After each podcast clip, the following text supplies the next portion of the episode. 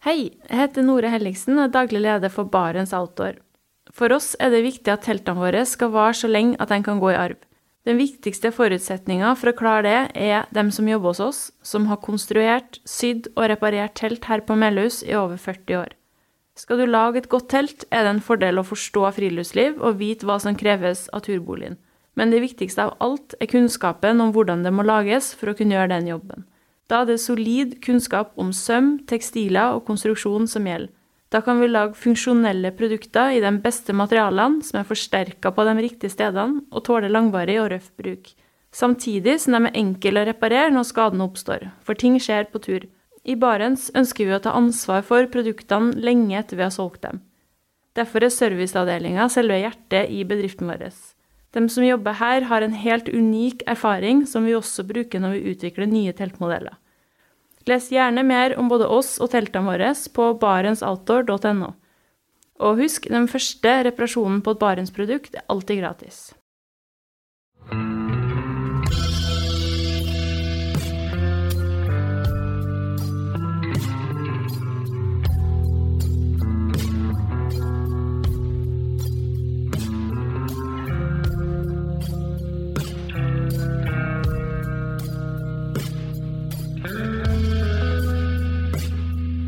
Hei, og velkommen til podkasten Uteliv. Mitt navn er Randulf Valle. Den gangen her så har jeg satt meg foran PC-en for å gjøre opptak. For dagens gjest befinner seg faktisk på et annet kontinent. Hjertelig velkommen til Tonje Blomseth. Hvordan står det til i Alaska? Ja, tusen takk. Eh, alt går bra her. Det har vært, eh, det har vært noen år siden vi har prata nå, Randulf. Det er to og et halvt år. Ja, du, jeg tror faktisk det er tre år. Jeg. Vi hadde intervju, jeg og du, i Villmarksmessa 2019. Så det er jo ja, det er tre og et halvt år siden. Det er tre og et halvt år siden, ja. Oi. Mhm. Ja, var, jeg trodde det var to og et halvt, men, men, du har jo sett at jeg er jo helt håpløs i matte. Jeg klarte ikke å regne ut uh, ti timers tidsforskjell mellom uh, Og det da på tross av uh, du hoppa vel ut av videregående. Jeg tok ti år på universitetet, og så må du liksom korrigere meg på å trekke fra ti timer på klokka, og nå også regne ut hvor lenge det er siden sist gang vi prata. Så det her er ikke bra. ja. Det tror jeg er ungdommens hukommelse, kanskje? Hæ? Kanskje det er det som er? Ja, det, det, det er bare å gni det inn. Bare å gni det inn. Men det var da faktisk på våren 2019 på Camp Villmark vi prata sammen sist. Og like etterpå, eller sånn ikke så lenge etterpå, så satt du der på flyet til Alaska, ikke sant? Mm, jeg satte meg på flyet juni 2019, så ja, to måneder senere, da. Eh, og da var planen å bli der Altså, hvor lenge skulle du være der da? Eh, planen var vel egentlig å være her et år, og ikke noe mer enn det. Så jeg satte jo alle tingene mine igjen på, på hold, så å si. Men eh, nå har det jo vært ja, tre og et halvt år nesten, så det har gått litt i overkant. Ja, det slo meg også med tre og et halvt år. Altså, du har jo snart da vært like lenge i Alaska som Helge Ingstad var i Canada uh, før han skrev 'Pels jegerliv'? Ja, han var vel der fire-fem år, vet du ikke? Fire år? Ja, fi, fire år han, uh, var det vel. Så uh, du nærmer deg Ja. veldig fort. Nei, jeg trives godt i Alaska. Jeg har jo eh, selvfølgelig kommet hit med intensjonen om å bo i ett år og så fullføre et eh, prosjekt. Eh, og så kom jo covid, som gjorde det litt vanskelig å fullføre det prosjektet. Og så ble det utsatt, utsatt, utsatt. Så nå, men nå har jeg kommet til det punktet at nå har jeg jo slått rot her, ikke sant? tre og et halvt år, og da føler man jo så at man har en hjemplass med en community og folk rundt seg, så det er litt vanskelig å slå opp de rotene igjen da, og, og rive løs seg, og så skal komme hjem igjen og starte på nytt der. Ja, for at det, da du stakk bortover, altså eh, Jeg hadde inntrykk av at eh, altså, du heiv deg jo litt uti det. Det var ikke sånn at du hadde masse kontaktpunkter og klare planer da du dro, var det? Nei, jeg hadde ikke en plass å bo engang. Jeg hadde en idé om at jeg skulle bare komme over med hundene, eh, som da hadde satt til en, en av to personer som er kjent i Alaska, da, som hadde dem i hagen sin. Eh, han hadde en stor hage, heldigvis. Eh, og så eh, bodde jeg på hotell den første uka, for jeg hadde ikke noe plass å bo. så jeg måtte eh, desperat da, skrive til masse sånne her, utleiere og for å finne en plass å bo med ti bikkjer. Det var ikke enkelt. Og så var jeg heldig da, og etter en uke på hotell å finne eh, en familie som har hatt hunder før, så de hadde en litt sånn nedstøva hundegård. da. Så de ville leie til meg, da. Så det, det funka. Det ordner seg jo alltid, men jeg altså, hadde jo ingen peiling på hva, hva jeg kom til når jeg flytta hit. Jeg bare gjorde det. Ja, hvordan føles det når du da lander Det er vel i Anchorage du lander først, eller var det rett til Fairbanks? Eh, altså, ja, jeg landa i Anchorage, og så ble jeg plukka opp der av han som hadde hundene mine. Um, og så ble jeg kjørt til Fairbanks, og deretter så tok jeg inn på hotell, da. Jeg kjente som sagt bare to personer når jeg kom hit, så det var jo en veldig stor overgang da, for å ha et stort uh, nettverk i Norge og familie og venner og sånn, men jeg syns egentlig det var ikke noe problem egentlig. Det er jo bare å hive seg uti det. Det er jo som langtur òg, du må jo bare se hva som skjer. og selv om det er litt mer eh, teknisk eh, risikabelt å flytte til en helt annen plass på andre sida av jorda enn det å fære på langtur som du har planlagt i månedsvis, så syns jeg egentlig det ordna seg greit. Men uh, jeg sleit litt de første halvåret kanskje med å forstå hva jeg har gjort. Ja, altså er det litt sånn at, uh, at du våkner om morgenen og at det liksom sånn sakte synker inn at OK, jeg er i Alaska med bikkjene mine? Eh, ja, det tok litt tid før det sank inn fordi at eh, det gikk så fort. ikke sant? Jeg bare for hjem. Jeg, først var jeg jo her på tur i vinteren 2019. Så kom jeg hjem til villmarksmessa og var hjemme i to måneder. Hvor jeg egentlig bare pakka opp tingene mine og satte alt på lager. Eh, og pakka kofferten og for over igjen. og så det gikk veldig fort. da. Jeg hadde ikke noe tid til å planlegge, måtte bare ta det på sparket. Så det tok veldig lang tid før jeg liksom fant meg til rette, da, også fordi at jeg kjente jo ingen, så jeg var veldig mye alene. da. mm. Men er det da litt, egentlig litt greit sånn når du kommer der da, og har, skal finne en plass og ha bikkjer og altså sånn, du, du, er nødt til å finne folk, uh, i motsetning til hvis du hadde kommet uten hunder og uten det behovet. da. Altså, For du er jo nødt til å finne noen du kan støtte deg på etter hvert. Ja, eh, jeg fant vel ikke så mye folk jeg kunne støtte meg på i forhold til å føle seg trygg, men eh, for å si det sånn, man blir jo sakte, men sikkert kjent med folk hvis man går ut og er sosial og er med på ting. Men greia er at jeg har jo ikke noe jobb som jeg kan gå til for å bli kjent med kollegaer. Um, jeg har jo ingen, egentlig ingen grunn til å bli kjent med noen, fordi at det jeg gjør, er så altså, ensom jobb. Trene bikkjer og turer. Det er ikke noe det er ikke noe samfunn rundt det. da. Så jeg kjente på det første halvåret der, at det var litt sånn sjokk å komme dit og føle at man er helt alene. Men det som er så fint med amerikanere, at de er veldig åpne og veldig inkluderende. Så spesielt Fairbanks, fordi her er det en, en sammenblanding av folk fra hele verden egentlig, som har kommet hit for samme grunn som meg. Um, og da blir det jo veldig fort et, et godt samfunn å være i, da. Når ikke det er sånn ekskluderende locals som ikke vil ha noe med andre folk å gjøre. Mm. Ja. Eh, for Fairbanks er jo også en universitetsby, ikke sant?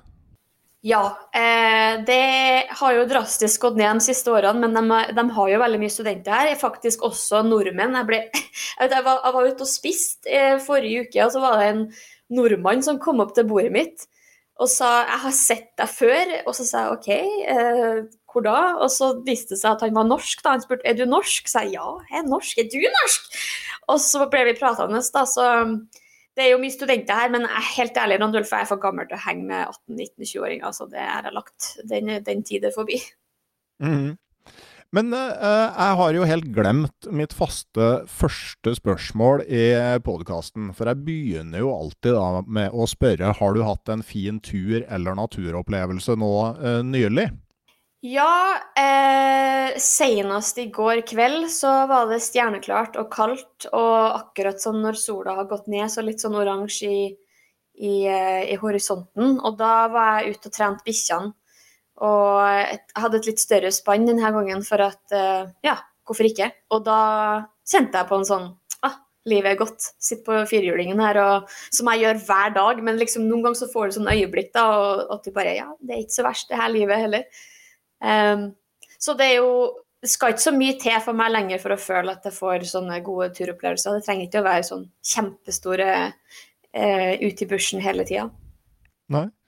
Men, men, nå Vi kan jo få høre litt om hvordan du, du bor nå. For det, du har jo måte fått, fått din plass.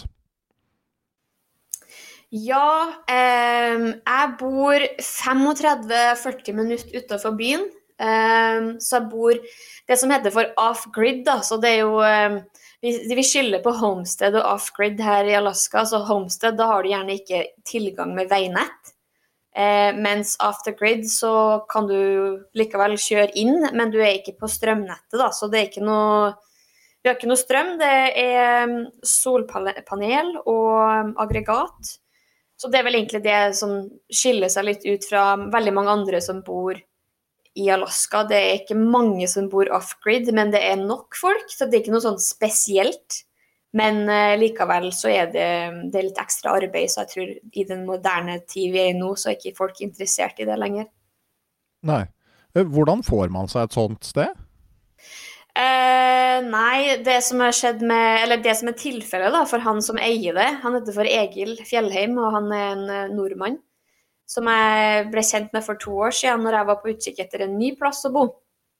Og han tilbrakte vintrene i Norge eh, i ny og ne, så han ville gjerne ha noen som kunne passe på plassen sin da, og, og sørge for at ting gikk rundt. Eh, og da ble jeg kommet i kontakt med han, fordi igjen, da hadde jeg jo flere bikkjer, 10-11-12, så det var vanskelig for meg å finne en plass å, å leie med de hundene. Da. Og da tilbød han seg at det var plass for meg der. og eh, Han har vel egentlig bare kjøpt den eiendommen eh, rimelig billig og bygd opp alt sjøl. Gravd vei inn. Eh, Henta tømmer i skauen og bygga et sånt svært, flott tømmerhus. Og det har jo tatt årevis, men det som er fint med Alaska, det er ikke noe byggeregler her. Og det er jo fint og ikke fint, for da får du mye dårlige boliger også. Men det også gir friheten da, til å, å, kunne gjøre noe sånt uten å gå gjennom en haug med regulasjoner. Ja. Men uh, kan du fortelle litt mer? Altså, uh, hva slags bygninger er det du har? Altså, hvordan er det med vann og uh, sånne ting? Altså, hvordan er dagliglivet på et sånt sted? Ja, så selve konstruksjonen av plassen da, er jo um, feir, For det første så drar jeg ikke så ofte til byen, for jeg føler jeg har alt jeg trenger der. Mm. Um, pluss at det er jo dyrt å kjøre til byen i 40 minutter hver dag. så det som er oppå der, er jo eh, det er et stort vedlager, og så er det en kjempeflott eh, badstue, utendørs badstue eh, med vedovn. Og så er det en hytte, vi kaller det for dry cabin, da, så det er da tørrlagt hytte, ikke sant. Ikke noe, ikke noe innlagt vann eller rør og sånne ting. Um, og den hytta ligger 100 meter fra hovedhuset, som er da det her flotte tømmerhuset som Egil har bygd med mest massiv, stor rundtømmer. Um, og, og, så har vi um, situasjonen med vann er vel at vi en gang i måneden, to ganger i måneden, avhengig av hvor ofte vi har folk der, eh, eller om det er bare meg eller han, eller uansett, så må vi til byen og hente vann. Og da er det 380 gallons, hva blir det da? Det er jo over et tonn med vann. Som må gallon omtrent fire liter? Ja, 3,9 noe sånt, tror jeg. Ja, hm. så det er ganske tung last, da. Så du får hente vann, og så pumper du det inn i huset i en tank. Um, og så er huset vedfyrt, da. Den eneste måten å varme både den og hytta på. Uh, og så er det en liten sånn oljefyr inn på badet for å sørge for at rørene ikke fryser da, når det blir skikkelig kaldt. Ja, Bor du i dry cabin eller inne i huset? Uh, jeg driver frem og tilbake, fordi at uh, i ny og ne så tar jeg inn sånne handlere for å hjelpe meg med bikkjene og trening og litt sånne ting. Og da må jeg sette dem i hytta så de får litt privatliv. Og eh, ikke minst for hele tida er oppå meg og Egil, da. Så Egil eh, Men nå, nå har ikke jeg hatt noe handler på et par måneder, så nå vurderer jeg å flytte inn i hytta sjøl for å få litt privatliv sjøl. Liksom få litt Ikke føle at jeg er med Egil hele tida, for han er jo en godt voksen mann med sitt eget liv, stakkar, som har adoptert en uh, stakkars norsk jente som, og masse hunder. Så vi, vi, går veldig godt overens, vi også, men, uh, men det er klart, jeg, jeg, får jo litt sånn Jeg spør han jo ny og ne om han vil at jeg skal gi ham litt mer uh, rom for seg sjøl, men nei, så langt, så greit. Hmm. Nei, men Så bra. Det, livet hadde sikkert vært mye kjedeligere for han hvis du ikke var der? Ja, jeg tror nok han Vi har snakka mye om det, at uh, han setter nok pris på det og at det er litt liv og røre oppå der. fordi uh, det er jo 15 bikkjer, og han er blitt veldig glad i de hundene. Uh, har jo vært med og sett dem vokse opp fra valp til voksne bikkjer, så han uh, setter nok pris på at det også er litt, det er litt ungt blod der som er, og, er litt hyperaktiv og vil få masse rare prosjekter i gang. Jeg har jo lyst til å sette opp et sånn her um, drivhus, og har liksom gjort litt research på om vi kan få en sånn um, stipend da, fra The State of Alaska. Og, og, jeg tror nok alle disse her tingene vet jeg Egil kunne gjort sjøl, men han er jo også en veldig travel mann, så jeg tror nok det er hyggelig å komme hjem etter en lang dag, og så er det noen der som er å styre og stelle litt. Mm. Men hvordan ser det ut da, altså når du eh, står opp om morgenen og går ut til bikkjene? Hva, hva, slags syn er det som møter deg? Og det er så fint oppå der at det er helt, det er helt latterlig, egentlig. Eh, det er Vi bor det er, Huset ligger liksom inn i en dal, da, så man får ikke så mye sollys eh, på denne tida av året, men det er veldig flotte soloppganger. Du får med deg hele soloppgangen. Um, og så er det bjørketrær og aspen trees. Hva er aspen på eh, norsk? Er det osp, eller hva heter det? Ja, Ask? det er kanskje Nei. Ja. Det, det vet Men uansett, jeg ikke. Nei, det vet ikke jeg heller. Engelsken min og norsken min har begynt å blande seg. skjønner du, så det, det, Noen ganger så kommer jeg til å si engelske ord på den podkasten her, og det får bare være. Men mm. eh, nei, du ser en fantastisk utsikt, hundegården, eh, og du ser ikke folk, ingen naboer, du ser ikke noe veisystem. Så jeg trives veldig godt oppå der. Det er en veldig sånn fredfull plass. Mm. Er det skog du ser, eller? Ja, det er skog rundt. Det er Ja, og så ser du vel litt grann fjell i bakgrunnen. Og når du kjører ned Altså når du kommer inn til det her veisystemet da, for å komme opp til denne plassen, hvis på en god og fin, klar dag, så kan du også se Denali, da. Helt i Oi. bakgrunnen. Hmm. Det, Det, det, er, det er en veldig flott plass uh, Egil har ordna seg. Altså det, er en sjeldenhet eh, å få tak i i dag, tror jeg. Jeg tror det er vanskelig, til og med i Alaska, å få tak i noe sånt til i hvert fall en, en sum som folk flest kunne hatt råd til. Så eh, jeg er veldig takknemlig for å ha muligheten til å bo der, men jeg, jeg kan jo ikke bo der i evig tid heller. Nei, det, det, kan jo hende. Uh, men, men, du er jo ikke der hele tida heller, for det var jo ikke måte for å henge i utkanten av Fairbanks du flytta til Alaska sånn innerst inne? Nei, jeg er ganske mye ute på tur, vil jeg si. Eh, jeg prøver å få til et par månedsturer per vinter. Og så blir det jo fort en måned på høsten da, med kanotur og jakt. Da. Eh, men på sommeren så jeg føler jeg jo at jeg er litt bundet til plassen da, å være i Fairbanks. fordi at man har jo 15 bikkjer. Det, det, som er problemet med det, er at det er vanskelig å forlate hundene eh, og ansvaret til noen andre over tid, for da blir ikke dine bikkjer lenger. Og det har jeg måttet ha lært på den, på den harde måten. Da, at eh, har du hunder, så har du ansvaret, og du kan ikke drive og reise jorda rundt. Så det er jo et valg man tar, da. At uh, man, bort, man, kan være borte i deler av året, og så må man være med hundene store deler av året, da.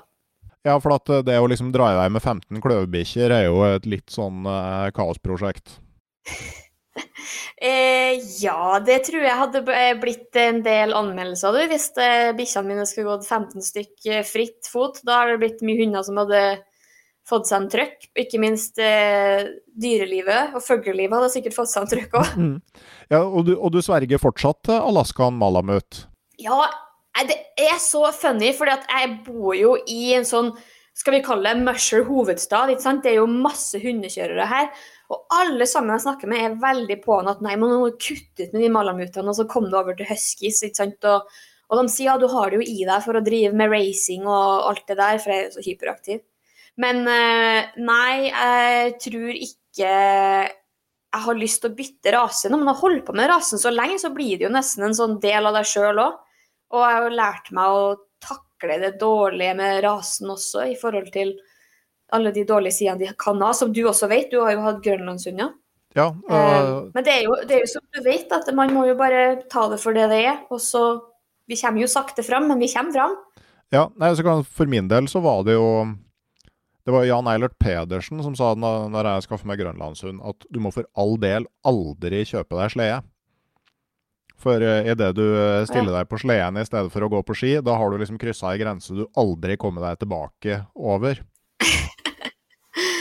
Ja, det er jo veldig sant. Det kjenner jeg meg igjen i. Eh, dessverre. Jeg skulle gjerne vært litt mer på ski, og så har jeg blitt dårlig på det over årene, men det blir litt sånn Skal man dra på tur med én hund på ski, eller skal man ta ut eh, sju-åtte bikkjer på en sledetur? Mm. Så ja. Men eh, jeg, jeg, må si det at jeg har vurdert noen gang å drite det her malamutene og så gå til huskyer, for det er jo så mye lettere å håndtere dem. Eh, de er jo så store. Men jeg vet ikke, jeg kjenner ikke deg litt igjen i det der når du hadde grønlandshunder, at det, det, det, er noe med rasen som bare setter seg litt i blodet? Jo, altså, jeg syns jo eh, det var veldig fascinerende med grønlandshunden som på en måte er det rent evolusjonære produktet. Altså, det er brukshunden fra Grønland som er selektert fram beinhardt kun på bruksegenskaper for polare forhold. Og det, det syns jeg var veldig fascinerende. Og så var det jo på en måte ganger hvor man kanskje kunne tenkt seg en hund som var litt mer lettdressert, f.eks. Ja, eh, det kan jeg slå meg enig i. At det, det, har det vært Jeg har tenkt det mange ganger. Og det som er spesielt kjedelig for meg, er at det er jo veldig mye fine eh, sånne her løyper sånn i, i Fairbanks som jeg kunne tenkt meg å kjøre med bikkjene mine, eller, eller gå og kjøre hundespann med vennene mine som også har hunder. Men problemet er at jeg kan ikke det med mine, for jeg vil ikke risikere å måtte passere et eh, kjempestort 16-spann eh, med huskyer midt på en sånn trang løype hvor det er lite rom for å passe på hverandres hunder. Da. Og da vet jeg at mine er de dem som kommer til å gjøre skaden, så jeg holder meg for meg sjøl. Ja, nei, men det er jo sånn på mange punkt i livet, da, at du må ta et valg, og så må du, må du stå for det etterpå. Ja, nei da, jeg angrer ikke, jeg. Jeg har jobba ganske hardt med hundene mine de siste året her, så jeg føler jeg har fått litt mer kontroll på den der um, problemene som jeg har hatt tidligere, og som også har blitt vist på TV. da, At jeg har jo hatt problemer med slåssing. Det føler jeg at jeg har fått mye mer under kontroll nå. Men det kommer jo når du holder på med noe lenge nok, så får du sjøltillit til slutt, ikke sant? Mm. Ja da, det, man, man, lærer jo òg etter hvert. Du, du, har jo sikkert gjort eh, de fleste tabbene mange ganger. Ja, jeg gjør dem jo enda, mange av dem. Så Nei, jeg føler det har også bare litt å gjøre med å, å bruke tid. Mer tid. Nå er jeg ikke så ivrig på Jeg er ikke så rastløs på at jeg hele tida skal planlegge og ut og gjøre noe, ha en andre bedrift og, og fullt kjør hele tida, for da får jeg mye mer tid til å sette meg inn i bikkjene og hva de trenger, enn hva jeg gjorde før. Så det har jeg jo lært om meg sjøl, da. Ja, Blir det lettere når du faktisk bor i Alaska? At på en måte hverdagen får en uh, annen verdi? Ja, det vil jeg si. Um, jeg var mye mer altså, Jeg har jo blitt tre og et halvt år eldre, ikke sant? Jeg, nevner, jeg, jeg, nærmer meg jo 30, dessverre. Så jeg må jo si at jeg har uh, fått mye mer roa i meg sjøl. Men det har også veldig mye med å gjøre med at jeg flytta til Alaska fordi jeg føler jeg kan leve mye mer i takt med natur her enn jeg kunne hjemme i Norge. For det er jeg følte veldig på stress i Norge hele tida om, om, å gjøre ting og få til ting og planlegge hele tida i framtida. Her er det litt mer sånn sesong for sesong lever jeg i, da. Og det gir jo mye mer ro, da. Jeg vet ikke akkurat hvorfor, jeg kan ikke sette fingeren på én ting, at der endra det seg. Men jeg tror det har noe å gjøre med at man blir eldre og litt tryggere i seg sjøl. Mm. Eh, er det godt å på en måte Altså, du har jo vært en offentlig person siden du var veldig ung. Altså, er det er det godt å ikke være i Norge av den grunn òg? Ja, um, jeg savner faktisk ikke det å være i mediebildet i Norge. Nå var ikke akkurat jeg noe sånn A-kjendis heller, men, eh, men uh, Hva skal jeg si, da? Uh, det går jo ut det, det, er positivt og negativt, for det går utover sponsorer og, og andre måter å kunne tjene penger på når jeg ikke er i mediebildet og er såkalt aktuell. Eh, men på den andre sida så får jeg jo mye mer fred, da, og, og slipper å tenke på å hele tida prestere for å ha et levebrød. Jeg har jo innsett at man kan leve på mye mindre enn det jeg gjorde i Norge. Eh, og hva jeg prøvde å leve på i Norge òg, det var jo et konstant kjør for å tjene mest mulig, for å ha råd til ditt og datt. Og nå kunne ikke jeg brydd meg mindre om å ha råd til alle disse tingene, for jeg lever jo der som jeg gjerne skulle reist til hele tida, så jeg slipper jo den flyreisen over med bikkja over dammen som koster flesk. Nå er jeg her og kan gå rett ut døra og kjøre til Brooks Range hvis jeg vil i morgen. Og det er litt sånn deilig følelse, og da føler man at man får mye mer ro. Da. Det ligger jo der, så du trenger ikke å planlegge og tjene penger og eh, Eller du trenger ikke å konstant kverne da, på hvordan du skal komme deg dit. Nei. Det uh, høres jo mer behagelig ut. Og, uh, men jeg har registrert uh, på du har jo de ganske lange vinterturene. Og så aner jeg en viss sånn påvirkning fra Alaska sånn utstyrsmessig, bl.a. Uh, vintertelt med vedovn.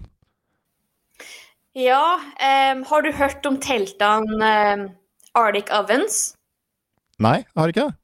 Ok, så det er jo veldig populært her i Alaska. da. Det er sånn to, et tolagstelt som er De er veldig tunge eh, i forhold til et vanlig nylontelt, selvfølgelig. Eh, og der, de er sinnssykt varme. Eh, og de har jo laga dem nå da, i mindre størrelser og mindre vekt, så de passer mer inn for folk som driver med hundekjøring og med mindre spann og sånne ting. Så Eh, ja, og så har jeg en liten vedovn i, da, som jeg må konstant eh, Selvfølgelig, du må jo fyre, finne ved da, hvor enn du er, og det er jo ikke alltid så lett. Men jeg har jo helt adoptert det nå, for at jeg, jeg, jeg er over det der med å ligge og hutre i 50 minus eller 40 minus i et sånt iskaldt nylontelt. Hvis du har bikkjer som er så store som mine, eller om du har Alaska Huskies uansett, så du kan jo trekke flere hundre kilo med deg. Så hvorfor skulle jeg ikke ha et komfortabelt telt hvor jeg kan kose meg og krype inn i på kveldstid og ikke må sitte og hutre i soveposen. Mm. Eh, nei, for jeg noterte jo at sånn uh, i vinteren i fjor så var du jo ute på tundraen nord for bruksrange i to og en halv måned. Ja. Um, I vinter så skulle jeg egentlig gjøre en mye lengre ekspedisjonstur um, som skulle være uh, ja, den var lang og, og, heftig, men problemet var at vi fikk så sinnssykt med snø tidlig på sesongen. Eh, mer enn vanlig. Langt mer enn vanlig snø for eh, interior Alaska. Eh, og det har jo sikkert med klimaendring å gjøre, da. Men det gjorde det veldig vanskelig for meg å skulle fullføre noe sånt på den tidsrammen jeg hadde tenkt, fordi jeg måtte jo stort sett gå løype sjøl hele veien. Så da fant jeg ut at det var urealistisk for den vinteren der, og da bestemte jeg meg heller for å fære nordover og bare bruke tid da, med bikkjene og bli bedre kjent med dem og bare ja, være til stede. Så jeg brukte ja, nesten tre måneder oppi der, og eh, hva skal jeg si, da? Det var jo ikke noe sånn her, en kjempestor ekspedisjon vet du, hvor folk eh, går fra A til Å. Det var bare å være der, ut der, og oppleve årstida fra vinter til vår. og virkelig fokusere på bikkjene. og Hadde jo masse opplevelser med ulv hele tida, så det var jo egentlig helt fantastisk. Og det var jo ikke en kjeft å se oppi der før, um, før, i midten til slutten av april. Ja, men, men, når du drar eh, egentlig ganske sånn midtvinters ut, ut på tundraen der, altså, kan du beskrive liksom landskap, temperatur, værforhold? altså Hvordan er det? Um, det vil Ja, i, altså i slutten av februar-mars så er det jo det er mørkt, det er kaldt, det blåser mye. Det skal ikke mye til før um, det blir eh, veldig kaldt når du får den brisen oppå der. For det er også ganske rått og fuktig, for det er nært til kysten. Um, og så um, er det jo fantastisk Altså Det som er greia med North Slope, da, det er jo så åpent. Du har Brooks Range bak deg eh, hele tida i sør, og så har du bare uendelig med vidde nordover, eh, vestover, østover. Altså du kan, du kan, farte der i en livstid, nærmest, uten å se folk, hvis du virkelig vil, da. Eh, og så kommer jo april-mai, da, så begynner det å bli sånn, den skikkelig flotte tida oppå der hvor det er varmt og deilig, og du ikke trenger å pakke det inn i 14 lag. Eh, og da blir det jo ofte litt for varmt for bikkjene i typisk april, men nei, jeg elsker å fære opp dit. Jeg bruker å fære dit hver eneste april de siste tre årene har jeg vært der. Men uh, du nevnte det med ulvene. Altså, uh, du posta jo bl.a. noe på Instagram. Kan du ikke fortelle noe om de opplevelsene som du hadde med ulv der? For det var jo sånn helt i Jack London-gata. Uh, ja, det var en sånn nesten sånn local beef med den lokale ulveflokken oppe på North Slope der, eh, vi var jo i deres territorie, og det var jo Først var det bare sånn at de var innom Elaine i ny og ne og sjekka oss ut, og så var det jo sånn pissekamp da, hver gang jeg var ute og kjørte hundene. Så hver morgen så skulle de stoppe på faste plasser og, og tisse. Eh, der som ulven hadde vært og pissa på natta, da, så det var sånn omgang annenhver natt. Eh, og det var jo det var jo litt spesielt, da, så det måtte jeg jo bare lære meg å godta. Men så ble det litt mer og mer intenst etter hvert. Eh, slutten av mars så begynte de å komme innom noen natter, ja, par netter på rad. Og så var det en natt hvor de, eh, de kom inn eh, åtte stykk, hele flokken, tror jeg. Eh, og skulle De var etter bikkjene, da. Det var ikke noe tvil om det. Og da gikk jeg jo ut av teltet, og, for hundene gikk jo helt eh, behersk. Og så eh, var jeg ute og kikka med en liten lampe da, for å se hvor de var hen, for jeg visste at det var ulv. Eh, og så hører man jo ingenting, for at Eller jo, jeg hørte jo at de var rundt, da, for det var jo eh sånn, ganske sånn hardpakka og forblåst snø. Så jeg kikker nå rundt med lille lampa mi da, og prøver å se om jeg ser noe, men det er så dårlig lampe, vet du, så jeg ser jo ikke så langt. Um, og så hører jeg da, når det blir stilt et øyeblikk, at bikkjene er stille, så hører jeg at det går masse spor i snøen rett bak meg. Og da snudde jeg meg, og så så jeg inn i øynene på åtte ulv da, som sto på rekke og rad ved siden av hverandre. Og og kikka på meg. Så da, da, måtte jeg jo skremme dem bort. Da. De, de ble ikke skremt av meg, da, som sto med lykta og brøla til dem, for de var jo ikke noe mer enn 20-30 meter fra meg. Det var ikke 30 meter engang, det var veldig nært. Um, og de brydde seg ikke om meg, da, og, og bikkjene gikk jo behersk, selvfølgelig, så da tok jeg opp 22 og tømte kammeret der, som var ti småskudd, men de brydde seg ikke om det heller. Så da eh, når de ble litt mer innpåsliten, følte jeg da, at de ble litt mer, kom litt nærmere. Noen av dem som ble litt tøffe i trynet. da. Eh, så tok jeg opp storrifla, og da Ja, da tok jeg og skøyt Ikke mot dem, for det var jo mørkt, men da skøyt jeg dem opp i lufta, da, og da sa det jo selvfølgelig et rungende eh, pang, og da forsvant de opp i lia og sto og ula i en god time der. Kan du prøve å forklare hvordan det liksom er oppi hodet ditt når det der eh, skjer? Kan du fortelle noe om hvordan det oppleves? Ja eh, for, Først så visste jeg jo at det var ulv, da, så, men jeg, jeg, var ikke klar over at de var så nærme. Og jeg følte vel egentlig mer eller mindre på en sånn ganske umiddelbar farefølelse. Ikke for mitt eget liv, men for bikkjene. Fordi åtte ulv, altså en hel en hel flokk. De kommer ikke bare for å utforske, de vet jo at vi er der. Vi har jo vært der allerede over en måned. Eh, og de vet at vi De vet at jeg er der. Så jeg blir veldig overraska over at de kom hele gjengen og så nærme. Eh, og så ble jeg jo veldig skjelven, da, og, og, og, skjønte jo alvoret etter jeg hadde fyrt av skudd. fordi det som jeg syntes var så rart, at de ikke brydde seg om at jeg var der. Jeg sto jo der og brøla 'faen, flytt dere', jeg står her med rifle, menneske her. og Nei, de brydde seg ikke. Så da følte jeg vel kanskje at shit, det er vel kanskje litt sånn gamle historier som man har lest, at man skal ikke spøke med ulveflokker eh, når det kommer til bikkja. Men eh, jeg følte ikke på noe fare for mitt eget liv, selvfølgelig, men jeg tenkte for bikkjene sin del, da. Mm. Så det var jo eh, Hva skal jeg si? Det var skummelt, men ikke sånn livstruende. Og så, det verste er at de kom jo tilbake hver dag de neste ukene. Så jeg forlot jo den leiren da, i en ukes tid, og da kom de tilbake og den pissa ned hele leiren og lagt igjen et caribou-bein. Så teltet mitt var fullt i piss. Hele leiren var full i piss, og det stinka. Um, og så hadde de lagt igjen en sånn fin liten caribou-bein som de hadde sånn Hei, her har vi vært, vær så god. Vi følger med. Ja, ja det, er, det er intenst. Um, jeg på, I Canada altså, jeg har opplevd ulv Og spesielt det, når du liksom plutselig kommer det der ulvehylet. Altså, jeg tenker Det er noe som vi sånn har en sånn Jeg føler at vi har en sånn slags instinktiv reaksjon på det. At det er et eller annet sånn der Jeg kjenner liksom hårene reise seg på ryggen av den lyden der. Ja, eh, på en måte, ja, så føler jeg det, jeg òg. Det er noe sånn urinstinkt i oss som bare vekker, vekker et eller annet. Man føler seg veldig vill når man hører ulvehyl, men, men eh, jeg må jo være ærlig og si at eh, her i Alaska så er jo ulvejakt uh, åpent for mm. hver og en mann som er, er local, da, som har opparbeida seg eh, og bodd her i et år, så får du jaktlisens. Eh, så jeg er jo litt på sånn kanskje lent litt der at jeg kunne gjerne tenkt meg å få has på et par stykker.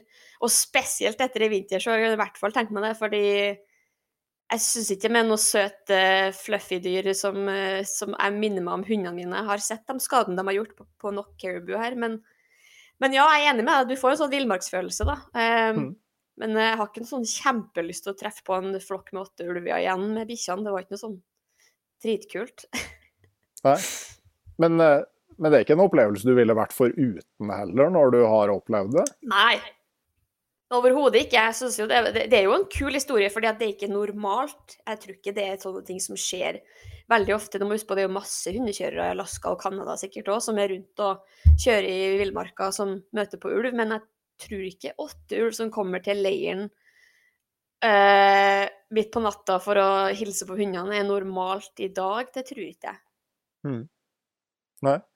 Eh, men jeg tenkte på sånn, mer sånn praktisk, altså når du drar ut på tundraen for å være der i tre måneder, altså hvordan gjør du det med mat og hundemat og sånne ting, da? Så på denne turen så tok jeg og eh, Jeg ble kjørt opp i en um, stor bil. Og så tok jeg med mat for tre måneder og bare satt i et cash, egentlig, depot. Og gravde ned. Og så fikk jeg Ja, så måtte jeg ferdig hver tiende dag, da. Hver tiende dag for jeg hente mer hundefôr og mat til meg sjøl. men vanligvis på sånne lange turer så sender jeg jo bare ut eh, forsyninger til meg og bikkjene til sånn uh, Native Village og sånne ting. Men de har jo vært stengt pga. covid, ja, i hvert fall hele 2020 og halve 21, så de har nylig åpna opp på en måte da, til at fremmede kan reise gjennom. De er veldig var på det, men nå er jo covid over, så å si, her i Alaska i hvert fall. Så um, nå er det jo greit å gjøre det igjen, da. Ja. Jeg skjønner jo på en måte at store utbrudd i landsbyer som bare har flyforbindelse med småfly, det er vel kanskje ikke det man ønsker? Nei, de var veldig strenge på det. Det var jo når jeg var ute på tur, eh, langtur i 2020, vinteren. Så jeg var jo ikke klar over at covid var en ting engang før jeg kom ut. Men eh, da fikk jeg høre da, via eh, Inreach at jeg kunne ikke dra til neste, eh, neste depot, da, fordi at eh, det var, det var, et eller annet slags verdensstort virus som hadde brutt ut. Og jeg bare Hva i helsike er det som skjer? Jeg har ikke fått med meg noen ting, så jeg kom jo ut og bare fikk eh, lest meg opp på nyheter og vurderte å sette penger inn på uh, vaksiner.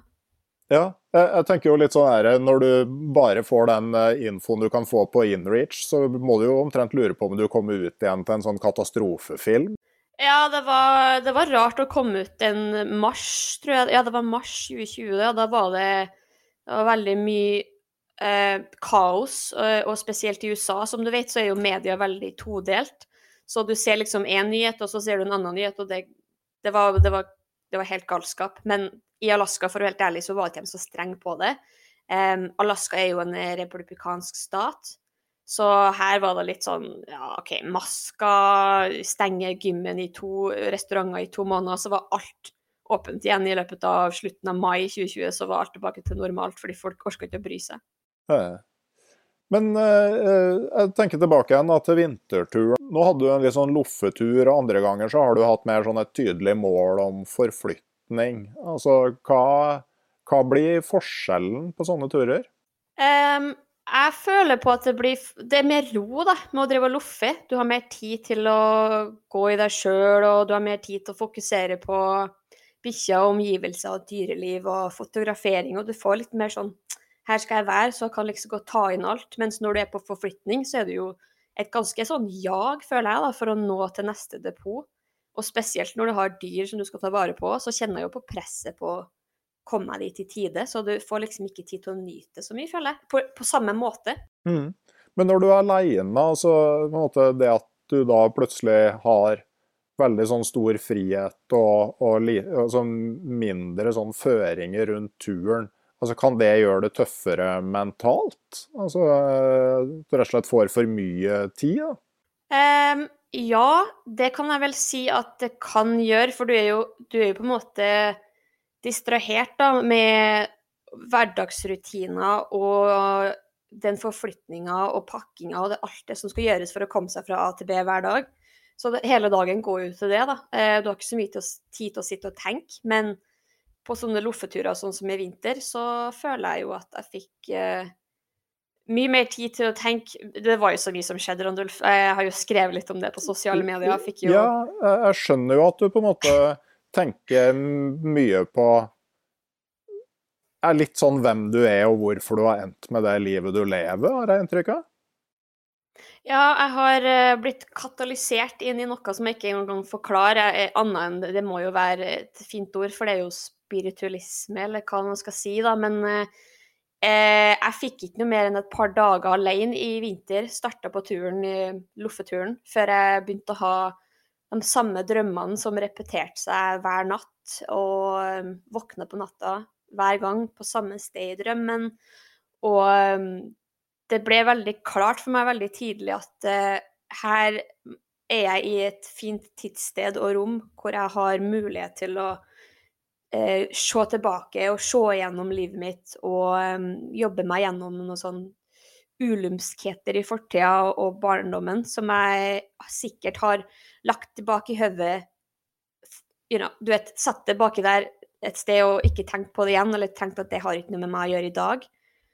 Og det ble veldig klart for meg på der at det, det, skal fram. Og det skal fram rett fram nå, og det skal jobbes med her og nå, og du har ikke noe valg. For til og med når jeg sov, så drømte jeg om de, de samme tingene, og det var veldig Det var, sånn, det var et sånt eh, sted jeg, i livet hvor jeg følte at enten så dealer du med det her nå, og så blir du en bedre person, eller så, eller så gjør du ikke det, og så kan det hende at det dukker opp igjen senere, på et verre tidspunkt. Hmm. Men det høres jo veldig strengt ut å på en måte skulle øh, begynne å omtrent psykoanalysere seg sjøl mens du er mutters aleine ute på tundraen? da? Ja, men altså Kanskje, men jeg har jo tilbrakt veldig mye tid alene de siste årene. Eh, fordi at jeg har flytta fra familie og venner og starta helt på nytt. Så jeg føler ikke noe sånn spesiell eh, redsel for å være alene og ta oppgjør med meg sjøl. Eh, den, den, prosessen har vært i gang nå i, siden sommeren 2020. Eh, enten jeg ville det eller ikke. Men jeg tror jeg tror det var nødvendig, da, for jeg syns jeg kom ut av fjellet som en ny person på mange måter. Eh, men det var jo tøft å måtte gå igjennom sine egne traumer og ikke helt vært klar over at det, har, at det var traumer.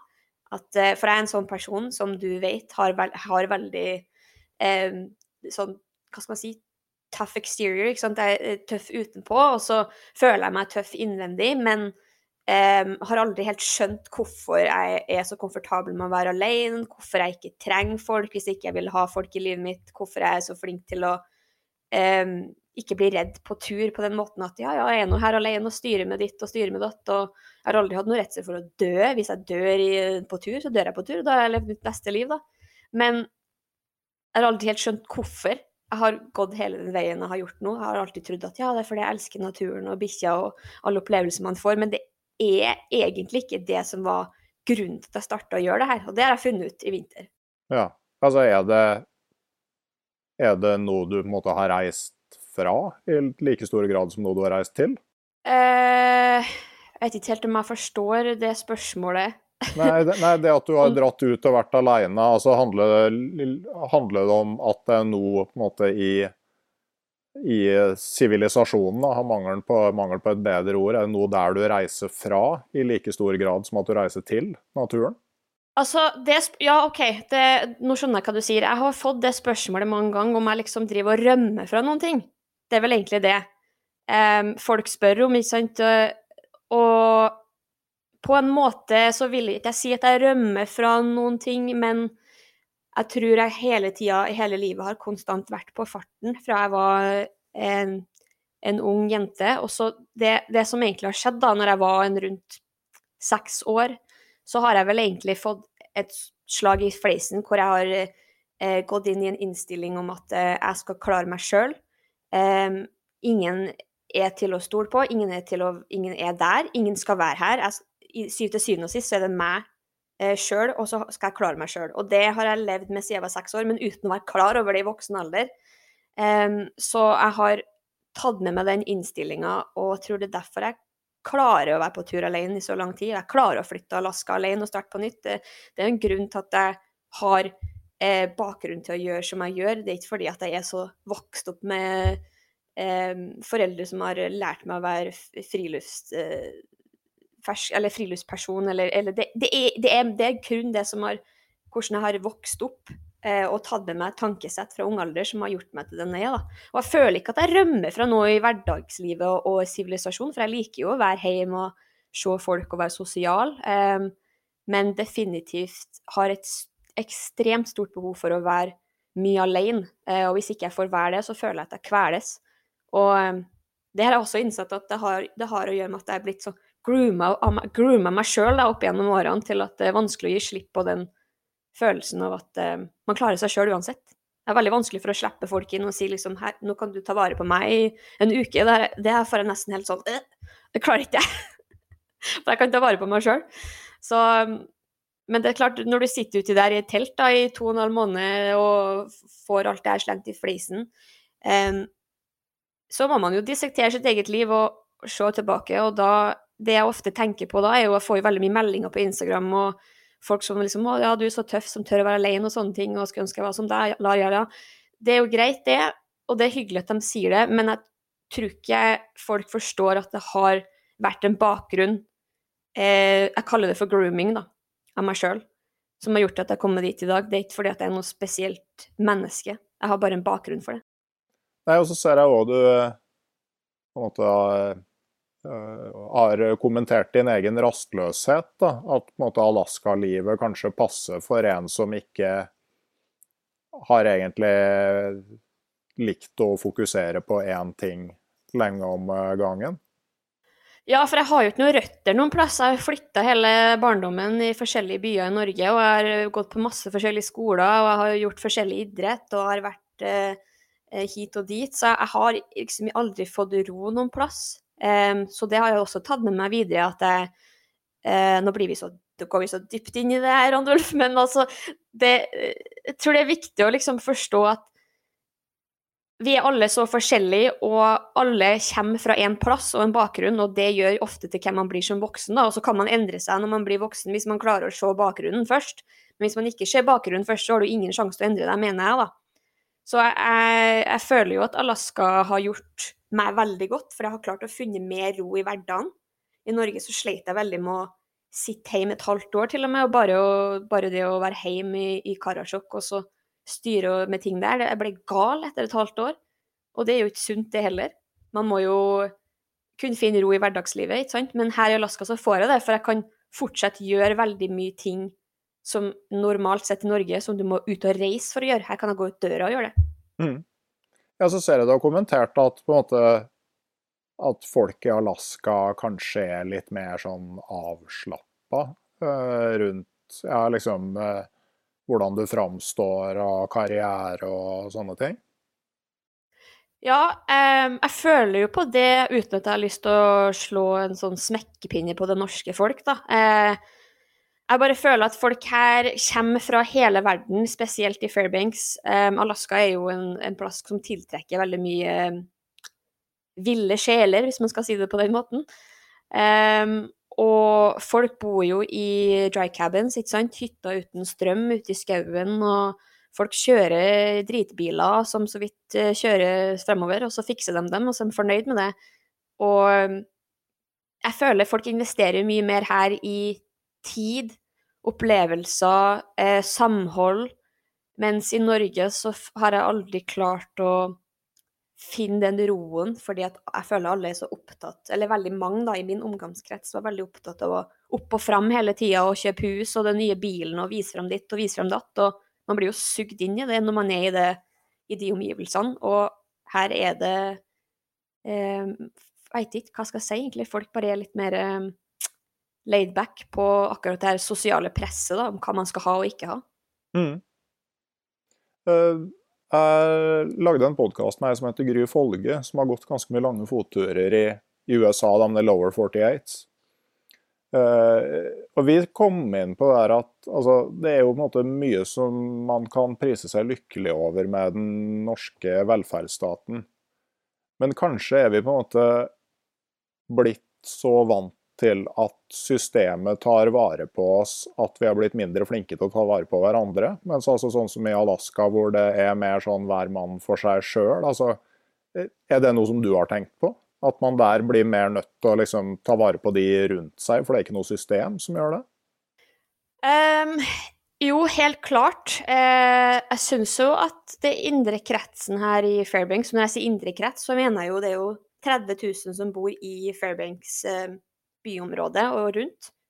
Eh, så synes jeg jo at eh, det er mer et varmere samfunn her. Folk stiller opp eh, for hverandre for den minste ting. Eh, og hjelper hverandre å flytte og fikse biler. Og de, det er veldig mye byttelåning av tjenester her. Jeg kan fikse bilen din i dag i garasjen min, siden du ikke har garasje, og så kan du hjelpe meg å fikse det her en annen dag. Så det er veldig sånn trygt og godt samfunn. Og hvis du har et nettverk her, så vet du alltid at du har hjelp, da.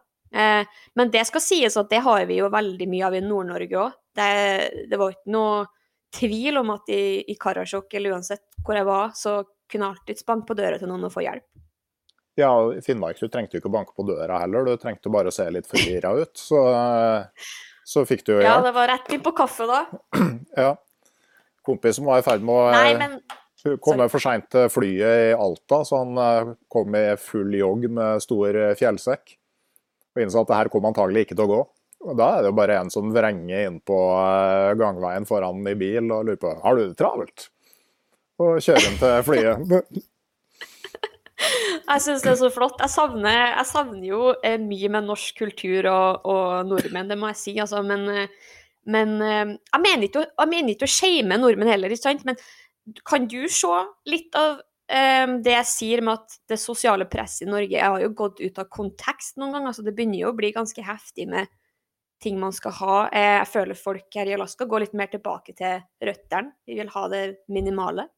Ja da, og det at eh, altså vi skal Men det var sånn eh, helt sånn Det er lett å være med på noe som er definert som det normale. Det var, det var noen som når jeg skulle snakke med deg, så noen som lurte på liksom, når du er så mye alene, du må jo, må jo bli litt rar av det. Så, men jeg at jeg, jeg tror vi òg som er i hamsterhjulet, vi blir rar vi òg. Det er bare at vi er så mange som blir rar på den samme måten. At eh, man eh, legger ikke merke til det.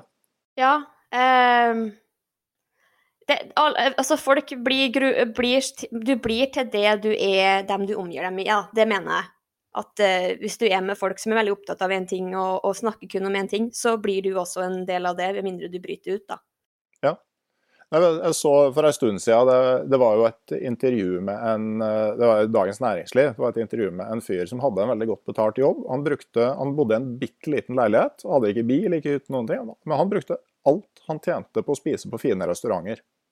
Hver krone. Frokost, lunsj, middag. Ja. Og De spurte hvor mye han brukte, og så han sa at det snakka ikke om hvor mye penger han tjente, men hadde han tjent sju millioner i året, så hadde han brukt det. Uh, og, og sånn, han var jo veldig sånn spandabel når han hadde med seg folk. Så oppgraderte han vinene for alle og, og tok gjerne med seg folk ut. Men han syntes mat var viktig, så var det han brukte penger på. Han sa liksom folk som pusser opp kjøkkenet for en halv million. Da skal du sitte veldig mye inne på det kjøkkenet og titte på det før du på en måte har fått valuta for penger. Ja, eh, veldig, det, det er egentlig et veldig godt eksempel på at man kan jo bruke altså Man må jo bruke penger på det som gjør en lykkelig, og jeg er helt enig med deg at det, det her med å drive og pusse opp og kjøpe nye møbler og bytte ut ting, og alt skal være så flott og fancy, det er jo egentlig bare en fasade, mener jeg. da. Jeg føler jo igjen da, Nå blir det jo litt dypt, men jeg føler jo at mye, mange flere folk kunne nok tatt en titt innover og sett er det egentlig det her som gjør at uh, livet blir fantastisk de neste fem årene? Uh, det er jo ikke det. Det er ingen som, som kan på hjertet si at Eh, en ny sofa gjør deg lykkelig i fem år. Det, det nekter jeg å tro. Men ja, det... det, er klart at det, det, er jo, det er jo sånn det er blitt, da. Ja. Jo, for noen så kan det godt hende at det er det òg, at du syns liksom sofadesign er så fantastisk. Men eh, neppe for alle, vil jeg tro. Ja, mamma er sånn. Hun ære være mamma, hun er flott eh, dame, skulle jeg si, men hun, hun er sånn, sånn, person som bytter ut møbler støtt og stadig og pusser på eh, rastløshet, hun òg. Og jeg spør jo mange ganger hva i helsike skal du med alle her eh, nye møblene og putene og Det verste er at jeg var jo sånn jeg òg, Randolf, når jeg bodde i Norge. Det kom ikke frem på sosiale medier, men jeg var sånn skulle bygge et stort, fint hus og keep up with the Jonases og, og være storkar. Men det har jeg, ah, det har jeg helt lagt ifra meg nå, for det, det gir meg ingenting. Mm. Men eh, når du snakker om eh, mammaen din, eh, Tonje. altså Da du hadde da, da, du var på den vinterturen hvor du fant ut at du skulle ja, kikke bakover i livet ditt, så kommuniserer du da med mammaen din på InReach. Altså Som da er en sånn liten GPS-sak hvor du kan sende 140 tegns tekstmeldinger hver vei når satellittene står i riktig posisjon. Jeg tenker på hvordan, liksom, Å ta på en måte det der, om ikke oppgjøret, så i hvert fall sånn den store samtalen om hvem du er. Dattera di gjør det fra tundraen i Alaska på InReach. Har dere snakka om det etterpå? Så hvordan, for meg som pappa så tenker jeg at det er en sær situasjon. Eh, det som er greia, er at vi hadde ikke snakka om det eh, ordentlig noen gang, føler jeg. Jeg kan ikke huske på at vi noen gang hadde den samtalen før. Så jeg sendte jo en masse meldinger på Inreachen, og så det var jo selvfølgelig natt i Norge, så fikk de vel våkna jo opp til en haug med meldinger på telefonen sin sikkert, og tenkte hva faen som skjer nå. Men eh, eh, det var veldig bra at eh, vi fikk tatt den samtalen, eh, fordi det har jo også skapa litt gnist i Eller ikke gnist, men um, litt uh, uro i våres forhold som mor og datter, føler jeg. da. Og det har jeg alltid visst at det har vært der, men har aldri skjønt hvorfor. Så det, jeg tror det var bra for oss begge, men det var jo spesielt da, å sitte og prate om det over satellittelefon, eller satellittmeldinger. Uh, men uh, vi fikk prata ut over satellittgreia uansett. Det kom inn 30 meldinger fra henne en kveld uh, som jeg måtte sitte og vente på at alle skulle lastes ned.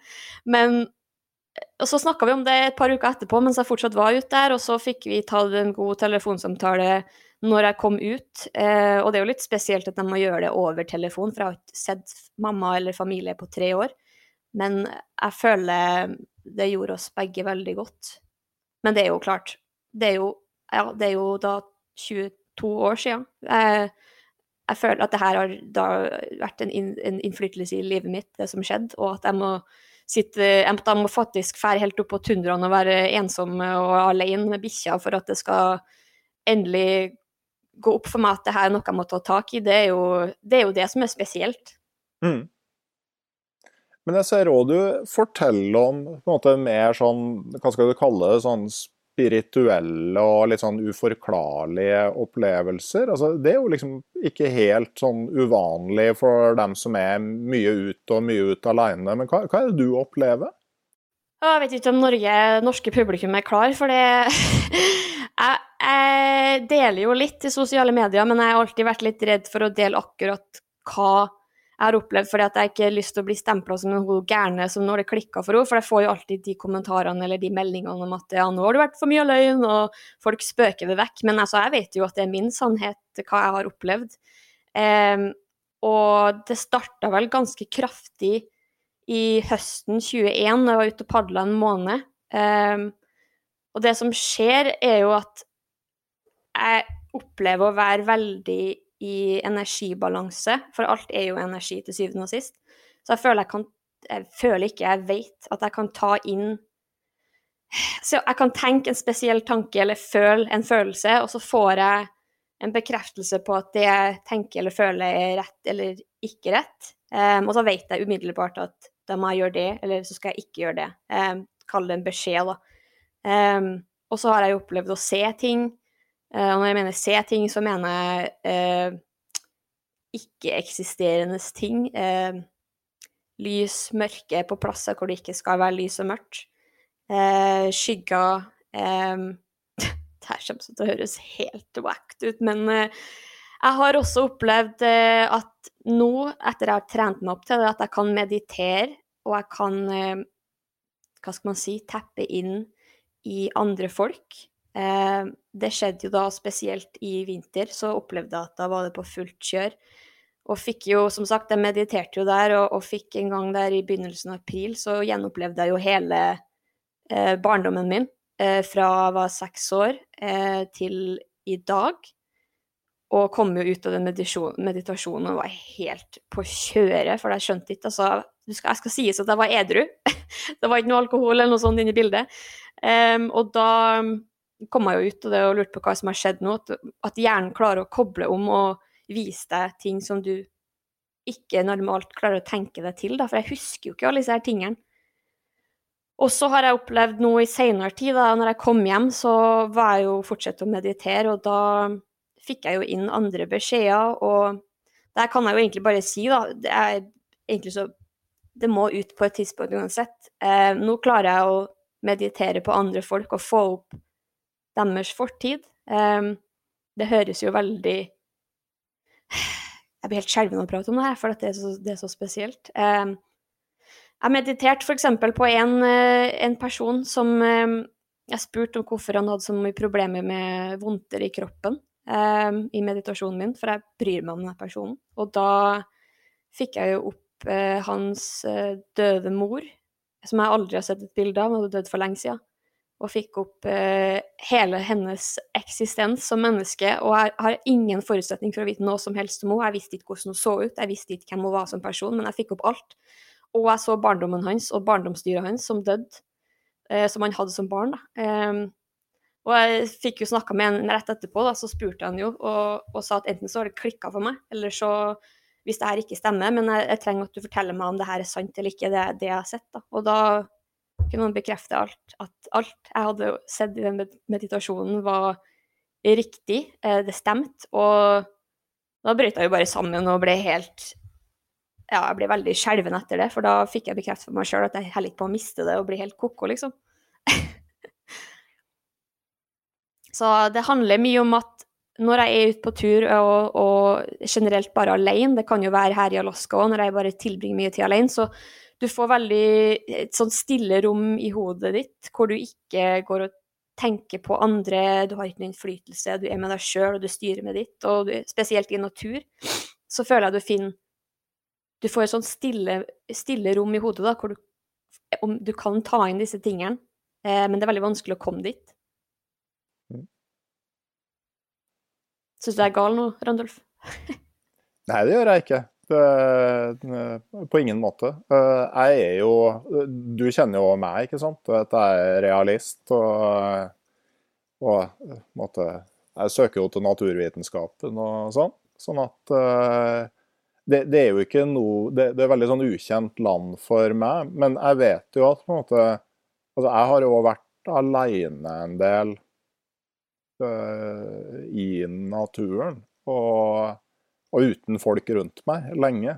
Og det at, at tankene uh, begynner å spinne på en annen måte, og at du Altså Ikke sant. Da jeg var aleine øst for Store Slavesjø en høst, så var det bare en sånn ting som det var et eller annet med lyden når jeg lå i den siste leiren før jeg kom til Elgsjøen som hørtes akkurat ut som når det er sånn plattingdans i nabobygda. ikke sant? At du så vidt hører utefesten. Jeg var liksom sånn mm. holdt på, Da holdt jeg på å bli litt sånn småkoko, for det hørtes ut som det var plattingdans i Snowdrift eller noe sånt. Sånn at eh, eh, og, og, og, ikke sant, Når du da først begynner å få den tanken i hodet at det er en sånn lyd du hører, så er jo det relativt problematisk å få ut igjen. Eh, ja. Så eh, jeg, jeg, sier ingenting om hva du har opplevd, Tonje. Jeg sier bare at ja, jeg, jeg kan relatere meg til at hodet fungerer annerledes når du er i ditt eget selskap. Og så kan jeg ikke gjøre noe annet enn å ta ditt ord for det du sier du opplever. Ja, jeg tror eh, jeg har jeg, føler at uh, egentlig alle kan ta inn mer enn det vi ser, opplever og hører i, et, uh, en, i en viss tilstand i, i, i, hodet. Altså en vanlig ah, Jeg klarer ikke å prate om det her uten å si det på engelsk, nesten. Altså en vanlig consciousness, da. Så um, bevissthet. Så, så føler jeg at vi alle har muligheten til å ta inn mer, men jeg tror de fleste er ikke i in tune da, til å ta det inn, fordi at ingen egentlig er nok i ro i hodet sitt. Og det tror jeg man må være alene for, ellers må man trene seg opp til at man kan komme dit. Eh, og spesielt det der du sier med å høre ting på tur, det har jeg opplevd at Jeg vet at det ikke er fordi at jeg er blitt gal. Jeg tror ofte, du vet, når du padler eller går en plass, og så får du en sånn uken følelse noen ganger at du bare helt ut av det blå at her er det noe eh, Her likte ikke jeg meg. De Eh, følelsene har jeg jo kjent på. Jeg har aldri hørt en plattingfest, bygdefest ute i villmarka, men, men jeg, jeg, kjenner meg igjen i at man får en følelse av at her, er, her, har det vært et eller annet på et tidspunkt, eller det er et eller annet som er på denne plassen. Og det skal, det skal sies at jeg også har en, vært en realist hele mitt liv, og har aldri vært innom religion. Eh, men det har nok endra seg litt eh, på det for meg at jeg ikke er religiøs, men jeg tror mer på at det er mer da, uti der i form av energi, og det er mer enn det vi tar opp i hverdagslivet. Mm. Ja. Eh, jeg tenker, jo, jeg tenker, jo, kanskje at det er rett og slett mer i den retningen at det er mye som hender i hjernen når vi, når vi ikke har alle de stimuliene vi har til daglig. Eh, jeg kom på Har du lest Harry Potter, Tonje? Jeg har sett filmene. ja. Jeg vet ikke om det er med i filmen, men det er, det er vel helt på slutten når eh, Harry møter Humlesnurre igjen etter at Humlesnurre er død.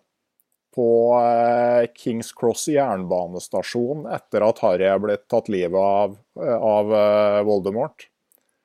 Og så spør Harry etter en lang samtale sånn liksom Men er det her virkelig, eller skjer det bare oppi hodet mitt? Og da svarer vel humlesnurr noe sånn som at uh, selvsagt så skjer det i hodet ditt, men hvorfor skulle det bety at det ikke er virkelig? Mm. Ja, det har jeg også tenkt på. At det, det er alltids en mulighet at uh, det skjer i hodet mitt. Uh, men jeg har jeg, jeg, For min del så Jeg har godtatt at folk tenker det om det jeg sier. Um, og så har jeg fått bekreftelse på andre ting, at jeg, det er ikke i hodet mitt. Det her er en reell ting, men det er vanskelig å prate om det og ha meninger rundt det og dele det, fordi det er ikke så mange som kan forstå. Um, og det er jo klart det, når det er i hodet ditt, om det ikke er i hodet ditt, det er jo din virkelighet, så er det veldig få som forstår. Det er jo samme som når du forteller folk at du, du, går gjennom noe, du har det tøft, så kan folk si 'å, jeg syns synd på deg', eller 'jeg føler med deg', men de skjønner jo ikke, for det er jo i ditt hode det skjer. Mm. Ja. Så mm.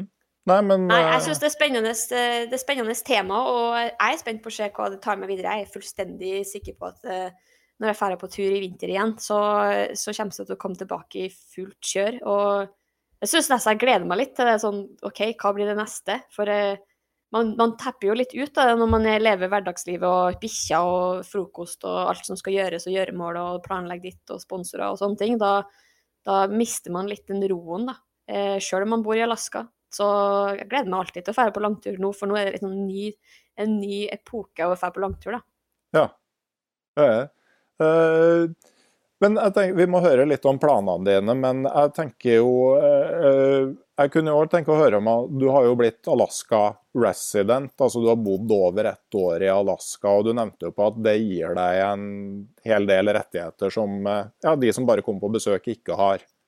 Eh, du har fulle jaktrettigheter og sånn nå, kan du fortelle litt om hva det innebærer? Ja, så når man flytter til Alaska Nå vet jeg ikke hvordan det er for andre stater i USA, men uh, i Alaska så må du bo i ett år og vise til at du har bodd der i ett år, og da får du eh, residency, da. Um, Sjøl om du ikke er amerikansk statsborger. Uh, så studenter også fra utlandet som bor her et år, får jaktrettigheter. Um, og da betaler du Jeg betaler 60 dollar i året for trapping license, jaktlisens og fiskelisens. Og og da har jeg jo frie tøyler da, på innafor sesong og jakter alt som er lovlig å jakte på.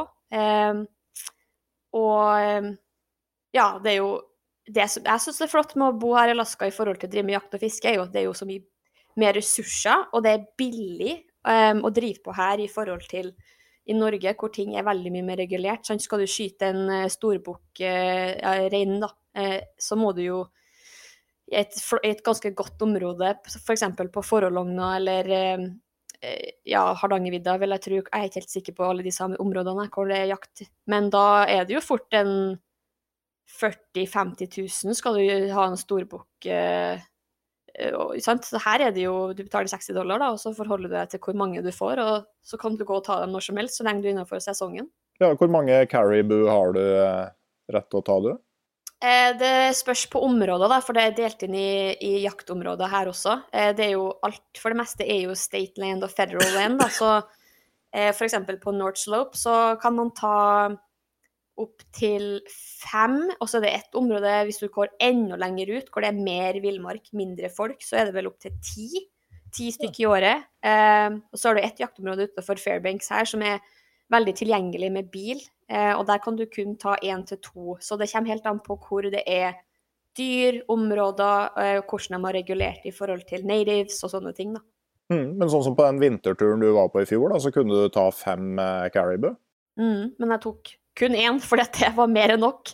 Jo, jo. Eh, og da, da, kom det faktisk inn eh, Jeg må fortelle om det her, fordi at jeg satt i leiren Det var vel i midten av april. Så satt jeg nå bare i teltet og slappa av på en flott, flott solværsdag, da, og så kommer det et fly inn. Uh, og så ser jeg på flyet at det står 'Trooper'. Så han kom og landet da, ved siden av uh, leiren min. Han drev og sirkla rundt der, for jeg tror ikke han fant en god plass å lande, men tok nå omsider et valg. Så kom han jo spaserende ned, og jeg hadde jo da taggen min klar, som jeg hadde markert dato og alt når jeg hadde tatt den her caribouen, og jaktlisensen min, og kjøttet var jo gravd ned i snøen. Da, så kom nå dit og spurte om jeg kunne grave opp eh, all, alt kjøttet for å se at jeg ikke hadde fôret til bikkjene. Oh, ja, og det hadde ikke jeg gjort, selvfølgelig. Nei. nei. det er ikke lov å fôre mm, viltkjøtt her til eh, hunder, og ikke laks og fisk eh, sånn heller. Så Nei, jeg visste jo det, da, at jeg hadde ikke gitt noe til bikkjene. Jeg hadde bare spist eh, Hva det heter det? Backstrap, hva det er på norsk da? Ytrefilet. Mm. Så ja, så det var jo greit, det. Og så kom, skulle han dra ut igjen da, og fly, fly, til neste leir som han hadde spotta ute på tundraen der. Og da satte han seg selvfølgelig fast med flyet, han kom ikke løs. Så da måtte jeg bruke tre timer på å hjelpe ham å grave ut flyet og tråkke en ny runway med, med, med truga. Og da ble det litt hyggelig, da, for uh, Wildlife Troopers her, de, de har en tendens til å være litt sånn ja, litt sånn grov når du møter dem først. De antar at du har gjort noe galt før du i hele tatt de har sett at du har jaktlisens. da. Så da ble det litt hyggeligere etterpå at jeg har brukt tre timer på å hjelpe noen greve til helsikas fly. Altså. OK, såpass, ja. Nei, for jeg, jeg ser jo òg altså, sånn ellers altså, Det virker som du har en litt sånn fast høsttur. Eh, kombinert padle- og jakttur, kan det se ut som? Ja, jeg har lyst til å Jeg skulle jo egentlig ut en måned i, eh, i høst også, men det falt igjennom med logistikk. fordi du vet når man har bikkjer, og må jo være noen som kan være med dem når du er borte. Men, eh, men jeg, jeg, liker å fære ut en måned i september eh, for å jakte caribou, elg eller skip. Eh, Dollskip. Så i fjor så var jeg ute en måned, fem uker, og padla Chinjack River og i år hadde jeg lyst til å ta Cobok River, men så ble det en annen elv istedenfor, da. Og da ble det elgjakt, og det Jeg er egentlig glad for at ikke vi dro på den der månedsturen for elg, for at uh, det å ha en hel elg i kanoen i flere uker, det Å, herregud, det hadde ikke jeg gidda. Nei, nei, for det var en ganske søkklasta kano som kom tilbake?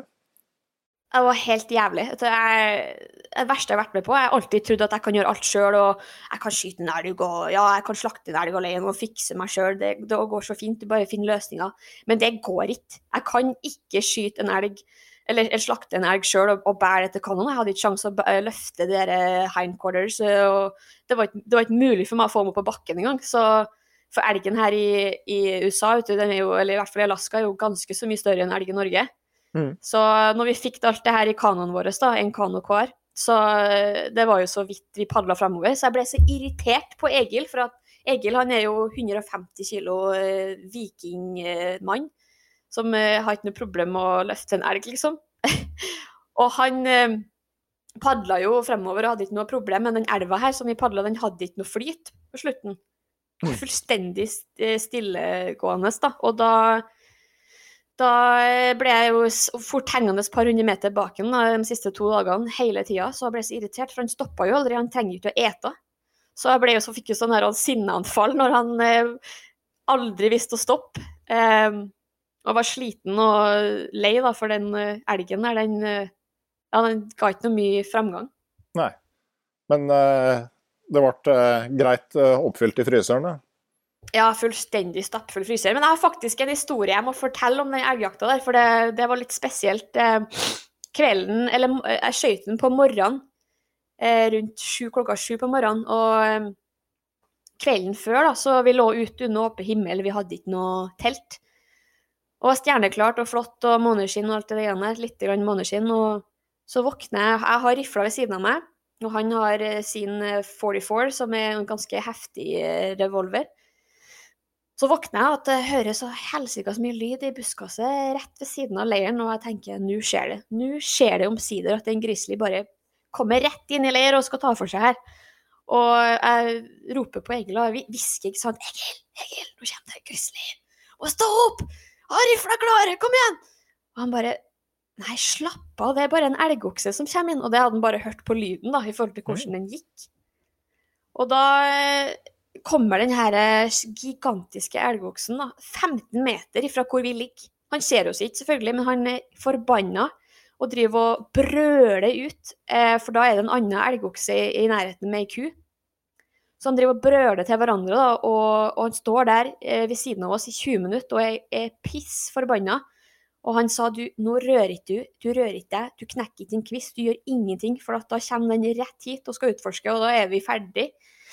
Så vi satt der musestille i soveposen og, og hørte på elgoksa, da. Um, som følte den var selvfølgelig rett ved siden av oss, men 15 meter er jo rett ved siden av deg. Og så forsvant den til å slåss med den andre elgoksen, og så sto vi opp ved første, første lys da, og fikk kalle han inn. Og da lå han rett borti gresset der, og så kom han gående inn 20 meter fra leiren, og det var perfekt skudd uh, i forhold til å, ha en, uh, å få skyte en elg, så stor elg ute rett ved siden av leir. Det var perfekt. Hm. Mm. Heftig. Det var heftig. Ja. Nei, jeg husker jo fra Canada at de der elgene er ganske massive skapninger. Ja, så kan de jo bli ganske aggressive òg. Jeg, har jo hatt noen hundespann her i Alaska i fjor. Jeg vet ikke om du har sett det på nyhetene, jeg vet ikke om det kom helt til Norge, men det var et par spann som ble trampa godt i hjel. Jo, øh, det jeg mener jeg har fått med meg det. Jeg vet ikke om det var akkurat det, men jeg har i hvert fall fått med at det er en risiko for hundekjørere å komme borti elg. Ja, for det som skjer er at når det er mye snø, ikke sant? det snødde veldig mye i fjor vinter, så vil ikke de komme seg av De vil ikke gå av løypene, og løypene her er jo veldig trang fra før. Så det som skjer da, når du treffer på dem med, med et spann, da, så blir de aggressive og, og, kan fort finne på å angripe og trampe de bikkjene i hjel. Mm. Ja. Nei, det, ja. det er Jungerloven. Det gode liv. Det gode liv, ja. Det, men det med, med Og så er jo, jeg har forstått i Alaska at det er, eh, det er, jo lett å tenke elg og bjørn og sånn når man tenker jakt og for så vidt caribou, men, men den dålskip, altså fjellsaujakta, den rager veldig høyt, sånn jeg forstår det? Ja, den er litt sånn eh, eh, Hva skal jeg si, det høyeste ansette jakta her, fordi at de fleste kan ikke eh, jeg skal ikke si kan ikke, men de fleste er gjerne ikke i form. Eh, og vil ta, gi den innsatsen det gjør, da, for det er ganske heftig terreng du skal klatre i og, og gå i med tung sekk. Og ikke minst bære ut da, en eventuelt eh, sau. Eh, og folk investerer jo flere tusen dollar i det letteste utstyret og sånn, her, sånn superlett bekledning, og det er ikke måte på. Eh, så den er jo ansatt ganske høyt, da. pluss at det er vanskelig å få has på en fordi at de har så godt syn. Så man skal godt gjøres å lure seg inn på en når man først, til og med når man har sett en. Og så er det vanskelig å finne eh, lovlige rams da, når de skal ha full curl ikke sant, hele veien. Ja, at, um, at hornene må gå må ha full sirkel, ja, for det første da du har ja. lov å ja. ja. så de skal være åtte år da, eller eldre, og så kan du også skyte en hvis f.eks. den ene sida av hornet er Vi kaller det for broomed, så det vil si at den er knokka av. Det vil si at eh, da er, mest, eh, er jo dyret over åtte år, for da det, har hornet gått i full sirkel, og så til slutt har det knokka av, da. Ja, eller, jo, eller, at den bare er gammel. Ja, litt sånn ekvivalenten til returbukk eh, på, eh, på Reinsfjellet. Ja, vil, ja, jeg vil tro det er det samme. Så den jakta er jo høyt ansett, eh, og folk er litt snobbete på det her, for å være helt ærlig. Men okay. jeg syns jo det er artig. Jeg, jeg syns den virker Altså, jeg tenker sånn I Norge så er jo egentlig reinsjakta den eneste storviltjakta som på et vis appellerer til meg ut fra et sånn slags turperspektiv. da. Og liksom, for at du kan dra på tur på fjellet og være på storviltjakt. Men jeg tenker at den uh, sauejakta i, i, Alaska, det må jo være mye av det samme, bortsett fra at det er enda verre terreng? da. Ja, eh, det er vel egentlig det samme. Det er ansett litt høyere. Og så er det jo veldig mange som tar fly inn til veldig mer remote areas og det, hvor det er mye mer sau. Men da, skal du ta fly nå, jeg kunne tenkt meg å gjort det òg, men det koster jo fort en ja, 1500-2000 dollar, da, altså 15 000-20 000 kroner for å fly inn til et område, og, og så må du jo fly ut igjen òg. Så jeg har ennå ikke tatt meg råd til det, for det har ikke jeg råd til. men men eh, problemet er jo at det blir mindre og mindre sau her nå. Det er jo en sånn krisestatus i Alaska med sau, fordi at vi får mer og mer snø i fjellene og interior. Og interior skal jo være kaldt i Alaska, men pga. klimaendringer så får vi mer snø. Og det som skjer, er at eh, sauen klarer ikke seg. De, det er for slitsomt for dem, akkurat som elgen. Og de dauer av utmattelse. De får ikke tak i mat. Um, så jeg tror sauejakta kommer til å bli stengt i løpet av de neste to-tre årene. I hvert fall i visse områder. De stengte jo Brooks Range for sauejakt i, i, i, høstsesongen i år, og det var jo helt ramadan på, på nett. Folk klaga og var sinte. Men det er klart, de må jo ta vare på dyrene eh, og, og, gjøre sånn at det blir jakt i framtida. Mm. Ja, for du sa òg at uh, altså, du hadde i fjor, eller sånn vinteren som var nå, egentlig planer om en, en lengre tur med mer uh, forflytning. Men, men, er det noe du prøver å ta opp igjen uh, kommende vinter?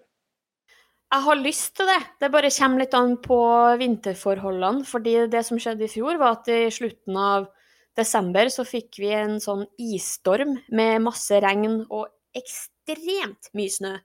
Um, og da endra jo planene sine. Men jeg, jeg tenkte jo det, det kommer ikke til å påvirke meg. Men etter jeg hadde ringt masse um, Fish and Game-kontorer i masse forskjellige native uh, villages og sånne ting, og spurt om snøforholdene, så fikk jeg jo klargjort ganske fort da, at uh, det å prøve på en så lang tur som jeg skulle gå i fjor vinter, det ville jo vært veldig vanskelig uten å få matforsyning via fly, fordi jeg mm. hadde ikke nådd fram til landsbyene i tide. For det var veldig lang avstand mellom landsbyene på den turen jeg skulle gjøre.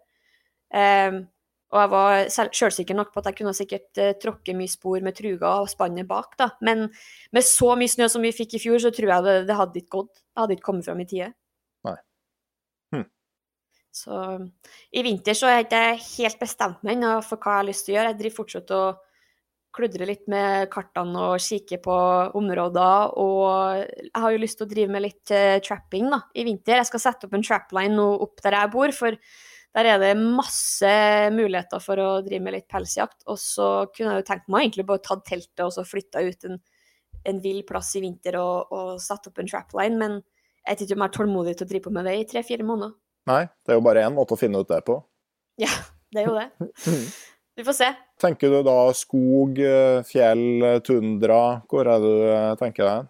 Eh, ikke noe tundra i vinter. Jeg fikk jeg Jeg ville ikke på noe tundra i eh, januar og mars, eh, eller januar, eh, februar og deler av mars, for det er så sinnssykt kaldt med den vinden der. Jeg har, på, jeg har aldri vært borti maken. Altså, jeg er veldig godt vant til kulde, men den der lille vinden du får oppå, spesielt på North Slope, for det er jo ansett som Arktis her, her, i Alaska, da. Det er så nærme kysten. Altså, der, det gidder ikke jeg før i mars, april, mai igjen, altså, for det er på frysegjerdet noen ganger den minste vindkast. Så jeg kunne tenkt meg å dra ned i, i, eller i granskogen og få fyra skikkelig bål, spesielt januar-februar når det er lite lys, og kose meg eh, og ha lite forflytning. Og så slutten av februar-mars så kan jeg bevege meg opp i høyfjellet igjen når det begynner å bli litt uh, likere til vær. Har du noen eh, gode tips til rett og slett det å uh, Så hva gjør du for å håndtere kulda? Um, ja, jeg har jo fått noen gode rutiner på det, egentlig. For det, det, første er jo når du skal ligge i telt, så invester i bedre liggeunderlag enn pose. Liggeunderlaget har mer å si, mener jeg. da. Um, jeg setter alltid skumliggeunderlag under et oppblåsbart eh, liggeunderlag som gjerne har dun i seg. Mm. Um, og så har jeg god pose, dobbeltpose, en inner dunpose og en ytterpose som er syntetisk, så den kan ta støyten med all kondensen. Uh, men nå har jo jeg vedovn i teltet, da, så jeg får jo tørka ut alt som jeg vil. Uh, og så jeg må si altså telt med vedovn, det er tingen. Det er tingen. Det er så deilig. Um, og så tenker jo jeg at i forhold til bare være ut, så har jeg funnet ut det at eh, når jeg er dehydrert og eh, ikke et nok, som gjerne skjer på en langtur, da, er at eh, da fryser jeg lettere sjøl. Du mister jo vekt, selvfølgelig, men når jeg ikke drikker nok, så fryser jeg mer av en eller annen grunn. Så eh, det er jo viktig å få i seg den væska. Bare koke opp vann på termosen, og så bare sippe på det varme vannet hele dagen. Ja, hvordan holder holder du varmen på fingrene? Både når du Altså sånn, både når du skal gjøre ting og ellers? Du holder ikke varmen på fingrene? Helt ærlig.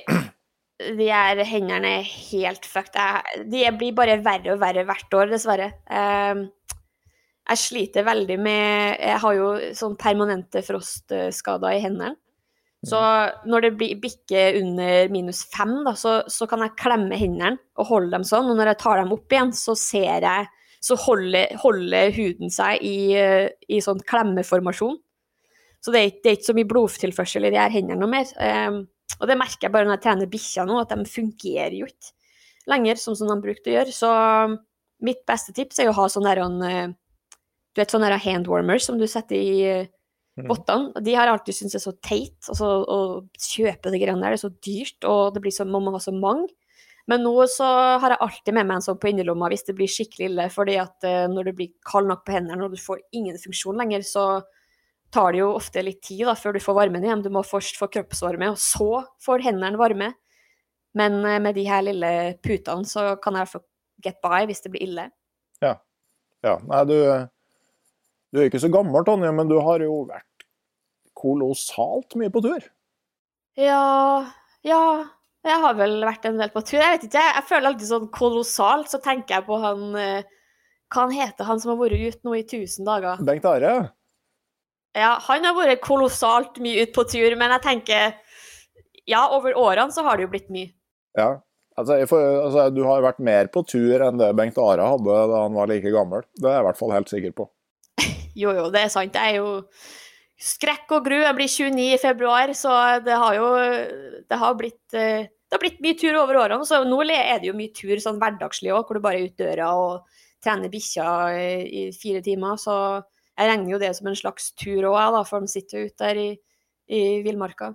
Ja, eh, definitivt. Altså, tenk på hva, hva, du hadde tenkt da du var 17, om å kjøre en tur med et malamutspann eh, utafor Eh, ja, i Alaska. Altså, hadde jo syntes at det var ganske sheriff. Ja, jeg er storfornøyd med hvordan livet mitt endte opp med å bli. Jeg skulle bare ønske jeg hadde litt mer kontroll på ting nå som jeg nærmer meg 30. Jeg skulle gjerne hatt litt mer økonomisk stabilitet. Jeg hadde jo for så vidt begynt å opparbeide meg det i Norge, og så gikk det rett i bakken når jeg flytta til Alaska, mm. som da er en risiko man må ta. Men eh, ja, jeg syns livet er blitt eh, veldig bra. Det har blitt akkurat som jeg har sett for meg. Så nå må jeg jo bare finne en måte å opprettholde på, da, og ikke minst fornye seg sjøl. Jeg har ikke lyst til å eh, Jeg kommer til sånn en eh, nesten sånn midtlivskrise nå, hvor jeg er litt redd for å bli stuck i det der samme gamle regla. Jeg har, vil alltid like å dra på lange turer, men jeg tror ikke jeg har lyst til å gjøre det på den samme måten hele tida. Nei. Nei, eh, jeg mener jeg fikk med meg noe om at du liksom har tenkt noen tanker om å gjøre noe som handler om mer enn bare deg sjøl òg? Ja, eh, det er vel en del av det å bli voksen, da. Få litt eh, perspektiv på seg sjøl, kanskje. At eh, jeg føler Jeg har så lyst til å gi det jeg føler når jeg er på tur til andre. Og jeg, jeg har jo veldig mye sånn handlers og sånn som kommer til meg i løpet av året og hjelper meg med hunder og ved og sånne ting. Og det jeg ser, er jo at det, det, skal veldig lite til til at de får en stor mestringsfølelse. Ting som jeg tenker ja, ja, det er jo hverdagslig, ikke sant. De får en sånn kjempeglede av å mestre små ting, da. Og det er jo det jeg føler um, Jeg kunne tenkt meg å gi det til andre. Um, F.eks. via guiding, da, eller ta med folk på en ukestur eller noe sånt, og så se den gleden når de mestrer ting. Og, og, og, og fordi at for meg er det litt mer sånn OK, det her det skal mer til nå, for jeg føler skikkelig mestringsfølelse. Det går litt mer sånn på rutine. Um, og det kunne jeg tenkt meg å gi til andre folk, for jeg får mye glede av det. Og så kunne jeg også tenkt meg å gitt mer tilbake til de her småsamfunnene som man reiser gjennom, fordi man får veldig man blir veldig godt tatt imot, spesielt når man kommer med et hundespann. Um, så tar folk deg inn med åpne armer i native communities. Um, og jeg kunne tenkt meg å gi tilbake til dem på mange måter, og har bare ikke helt funnet ut hvordan ennå. Nei. Nei. Du finner vel ut av det etter hvert, tenker jeg. Ja, nei, jeg skal sette meg ned og se på det. Finne mm. ut en, eh, en måte å komme innom og ikke bare ta for meg boplass og, og Ja. Jeg prøver jo å prate litt på de her skolene, da. Det er jo har jeg blitt bedt om å gjøre et par ganger når jeg er innom at jeg kommer innom klasserommet og prater for ungene og forteller om Norge og vikinger og hunder og sånne ting. Mm. Ja, det husker jeg fra Nordvestpassasjen òg. Vi om vi var eh, gjestelærer eller om vi var tatt med på utstilling på eh, skolen i Øahavn, kan man jo diskutere. Men, eh, men det, var, det var kjempeartig. Det, det var et australsk ektepar som, som tok seg av oss der. Godt voksne, snart pensjonister begge to. Men de hadde jo hatt hele yrkeskarrieren sin som lærere i eh, Nunavut. Ja, det er mye hvite folk som har en tendens til å flytte ut til sånne småplasser. Og jeg har opplevd at mange gjør det for at eh, det er lett å få jobben. Mm. Og så er det godt betalt fordi at de tross alt skal bo der de skal bo. Eh, og så flytter de på seg etter to-tre år. Eh, men så har du dem som liker det så godt at de blir da, til evig tid. Og det er jo dem det står respekt av, at de ikke utnytter eh, systemet. Ja, nei, det var de her, de hadde vært litt på forskjellige plasser, men ungene deres var jo vokst opp i Baker Lake. Uh, og Det er jo Mm. et av de mest isolerte samfunnene i hele Canada. De prata på Dattera deres hadde holdt på å omkomme på vei hjem fra skolen, for det var snøstorm, så hun og venninna hadde bomma og liksom bare gått rett ut av community og ut på tundraen, i stedet for å finne hjem. Men eh, venninna var inuitt da, og kunne bygge iglo, så hun hadde liksom eh, bare bygd en iglo til dem, og så hadde de krypet inn der og venta til stormen ga seg. og så... eh, Det er jo helt fantastisk. Nei, det, det er så drøyt. Det, men, men når det er sagt, altså, det er jo ikke like ille. Men jeg husker da vi bodde i Hammerfest, at det var dager da eh, ungene ikke fikk lov til å gå hjem sjøl fra skolen. At eh, været ble så ille i løpet av dagen at liksom, det gikk ut beskjed om at alle foreldre må komme og hente ungene på barneskolen, for det er for dårlig vær til at de kan eh, gå hjem sjøl. Jeg er redd for at noen Ja, eh, jeg skulle spørre deg om Savner du å bo i Finnmark og nordpå, liksom folket og kulturen der? Ja, det, det gjør jeg. Og det Jeg angrer nok ikke på at jeg flytta, fordi at eh, vi har jo to unger nå, og Mm. har all familien vår her. Eh, Og det eller på en måte, Det, det merka man at kanskje etter hvert betydde mer enn man trodde. Men så var det òg det er veldig mye jeg savner. Jeg savner jo naturen. Altså det, Mm. Og jeg savner folket. Uh, og, og så er det en sånn slags komponent av skam i det. Om at, Skam? ja, at vi òg da til slutt blei noen av dem som kom opp og bodde der ei stund, og så forsvant vi igjen. Det, eh, og og da er liksom i det store og hele så er det ikke så stor forskjell på om du blei tre eller ni år, da, som eh, vi blei. Altså, vi, vi dro til slutt, vi òg. Men så er jeg jo tilbake, og har jo eh, en av de beste kompisene mine er jo eh, fra, fra Hammerfest. Eller det vil si, han bor halvparten av tida i Hammerfest, og halvparten av, den andre halvparten på Jan Mayen. På Svalbard? Nei, Jan Mayen. Jan Mayen, altså den øya utafor? Ja, den er- ligger ganske langt sør for Svalbard. Det er ikke Bjørnøya. Jan Mayen ligger mellom, eller litt nord for Island og bortover mot Grønland. OK. Å, ja, ja, ja, OK. Ja, jeg har ikke det. Jeg har en eh, kompis av meg, eller som kompis og kompis, han er jo der ofte. Stian med sekken, du vet hvem han er? Ja, jeg vet han er, men øh, Ben her er jo, han er jo en av de som måte har fast jobb, så han går øh, på rullering to måneder på og to måneder av som elektriker på Jan Mayen. Så det når du er Ikke verst. Nei, det er ikke verst. Men jeg føler jo man må jo gjøre et riktig valg for eh, det som er Når man har familie. Det er jo Jeg, jeg, jeg kan forstå det. Det er jo litt sånn Jeg setter meg litt i eh, sympati i det fordi eh, når man har unger, eller om det er hunder, så må man jo ta det beste valget for den familien man har. Eh, Mm. og sånn er det jo bare. Ja. Og så er det liksom det der eh, jeg, jeg, savner jo fryktelig de der fine seinvinterdagene i Hammerfest, når du spente på deg skiene, og så var det 200 meter, og så var du på Snaufjellet. Det, det, ja. det er jo flott å ta en tur i Estenstadmarka i Trondheim òg, altså på skøyteski, men det helt det samme, det blir det ikke. Nei, det gjør ikke det. Enn med sånne lange turer, når du har vært i Canada og sånn, er det noe eh, Føler du at det er noe der som på en måte henger litt igjen? Altså, Man husker jo på alt som har skjedd, og det sitter jo igjen i kroppen, men er det noe av det som du føler er et savn, eller mister man litt det når man får familie og andre prioriteringer? Det har jeg alltid lurt på. Um, nei, altså du, du, blir alltid dratt. Uh, og jeg savner det. Uh, men grunnen til at jeg ikke gjør det, er ikke fordi det ikke er mulig. For det er jo nei. mulig å ta to eller tre ja. måneder og dra på langtur. Men det er fordi at i hvert fall fram til nå så har jeg ikke hatt nok lyst Eh, jeg syns det er fryktelig stas å være med jentene mine.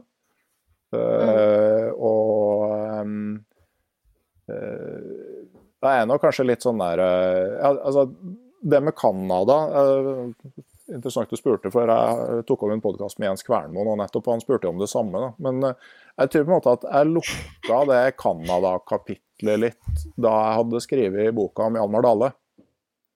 Ja. For det ble Altså, det, det, var ikke derfor jeg begynte å dra til Canada. Men etter hvert Nei. så blei det på en måte det som var prosjektet. Og da var det litt enklere å legge det fra seg når den boka var ferdig. Så var liksom OK, nå mm. eh, Nå legger vi fra oss det. Og så, eh, også i, i, og med at jeg innerst inne visste at jeg neppe kom til å bli boende i Hammerfest resten av livet òg, så var det òg veldig lett å tenke at nei, nå, nå bor vi i Finnmark da er det utrolig dumt å drive og reise til Canada. For det er jo mye mer ja. tungvint enn når du bor sørpå. Og så i tillegg så Hvorfor skal man dra til Canada nå, og så dra til Finnmark når man eh, har flytta sørpå igjen? Det er mye bedre å sånn, prøve å mm. være i hodet på samme sted som du er fysisk, da. Ja. Så, så, kjenner jeg jo nå at uh, jeg er nok ikke ferdig med å dra på lange turer. At sånn eh, med litt sånn så, så, Livet er jo litt sånn Du vet aldri hva det, hva det, gir deg, da. Men jeg ser liksom kanskje konturene at eh, jeg kan øke lengden på egotrippene mine litt mer. Og, og det, det det ser jeg fram til. For jeg savner jo det der å være aleine en stund. Altså bare mm. fikk, eh, fikk ei uke i Indre Troms her i høst eh, helt aleine, og det, fantastisk godt, altså. Og bare den tida hvor du ikke gjør noen ting. Altså ja. At du bare ligger ja. i lyngen og kikker rundt deg og hører litt, og kanskje ikke engang gjør det, men at eh, du vet ikke helt hva du gjør, men det er veldig godt. Ja, og så har det jo kanskje litt å gjøre med at når man er alene òg, så trenger man jo bare ta vare på seg sjøl og ikke tenke på alle andres velvære, ikke sant. Det, mm. jo, det, gjør jo at man får mer ro, det òg. Mm. Så eh, men, eh, men, jeg tror nok for det eh, altså Det jeg på en måte òg har innsett, da, er jo at den der følelsen som jeg hadde på de Canada-turene, hvor jeg òg var sånn Jeg begynte jo med det her da jeg var jeg begynte jo et stykke ut mot slutten av 20-årene at jeg begynte med det her. Jeg var 27 drev på første langturen. Og så drev jeg jo på med det i en sånn tiårsperiode. Eh, og da hadde jeg jo ikke noen andre enn meg sjøl og etter hvert Hilde å måtte svare for. Så det var jo en ekstrem frihet når du hadde mm. fem uker på Telon, ikke sant. Eh, mm. Og jeg tenker at dit kommer jeg jo antagelig aldri igjen. Fordi at som far så har du noen som du Om ikke du har et ansvar for dem, så har du eh, Så føler du på en måte et ansvar på Og du skal jo gjøre det òg, eh, på en helt annen måte enn enn du gjør for foreldrene dine, da, for å si det sånn. Altså når du, ja, ja. Ja, så, så jeg tenker at Sjøl om jeg gjør det samme, så vil det antagelig ikke føles likt. Eh, det kan jeg veldig godt forstå. Jeg har gått noen runder med meg sjøl, jeg òg, tenkt i forhold til det her med, med unger. Husker, jeg husker jeg og du tror jeg vi snakka om det i 2019 når du intervjua meg da. Eh, jeg vet ikke om jeg fortalte om det da, men jeg òg har lurt mye på det der i forhold til at kanskje prioriteringene og følelsen rundt det å være ute endrer seg når man får familie, fordi at eh, ja, man er et annet sted i livet, da. Så det har jeg òg fundert på mye i det siste. Det kan jo ha å gjøre med at jeg blir litt eldre og tenker at eh, det er noe jeg må ta stilling til hvis det skal skje. Men nå har jeg jo jeg snart hatt en samtale med mamma nå nettopp for to uker siden, hvor jeg, jeg fortalte henne at eh, jeg tror jeg er ganske sikker på at hun eh, kan ikke forvente noe barnebarn fra meg. Og da for første gang i historien, Randulf, så sa hun til meg at eh, men det har jeg egentlig kommet til ro med, at det blir ikke og jeg tror ikke du passer til det. Eh, du blir sikkert en god mor men, eh, hvis du vil ha barn, men jeg tror ikke det passer til deg, for du er så rastløs. Og hun sa noe som var veldig fint, som jeg tenkte mye på ettertid, og det virkelig stemte, at hun sa du får ut morsinstinktet ditt og det her behovet for å ta vare på noe, for det er jo ofte det som kanskje er med barn, at man man får, i hvert fall for damer, tror jeg, da, at man får ut eh, Får liksom gi den der en eh, varme, gode eh, omsorgen til noen. Og den føler jeg at jeg får gitt til hundene mine. Som hun sa, at eh, du får ut noe av de instinktene dine med de bikkjene som du driver og styrer med dem. og det føler jeg jo stemmer godt. Ja, ja da. Det, det, det vil jeg tro. Altså, det er jo bra å ta et sånn et et bevisst, bevisst, valg, da. Men sånn, eh, kanskje de aller fineste turene, altså både med familien, men òg med hun eldstedattera som nå hun er ja, hun har vært mye på tur. Ikke sånn kjempemye, men sånn hun syns det er moro og syns det er artig når vi to er på tur sammen. Og nå vi var på en sånn slags jobbtur oppe i Reinheimen eh, på slutten av sommeren, og nå har vi kommet dit hvor jeg kan gå i mitt tempo. Eh, mm. Og har ikke noe problem med altså, Det passer for henne òg, og, eh, mm. og det, da, har det, da, har vi det, veldig koselig. Ja, nei, jeg, jeg tror på det. Jeg, det, det, jeg snakka mye med folk som har uh, unger som har drevet med langtur, eller som driver med det nå, eller som bare er mye ut, da. Bruker mye tid på tur. og nå er jeg jo kommet i den alderen at de fleste av mine venner, i Norge i hvert fall, har eh, begynt å få barn, eller har barn. Så da, da, bruker jeg å stille de her spørsmålene, akkurat som jeg stilte til deg nå. At jeg, jeg lurer på liksom hva endringene har vært. da, Skift, Skiftninger i prioriteringer og følelser og sånne ting. Men ikke så mye for å bekrefte for meg sjøl, bare fordi jeg er nysgjerrig. For jeg, øh, ja, jeg er fortsatt altfor rastløs til å slå meg til ro, føler jeg.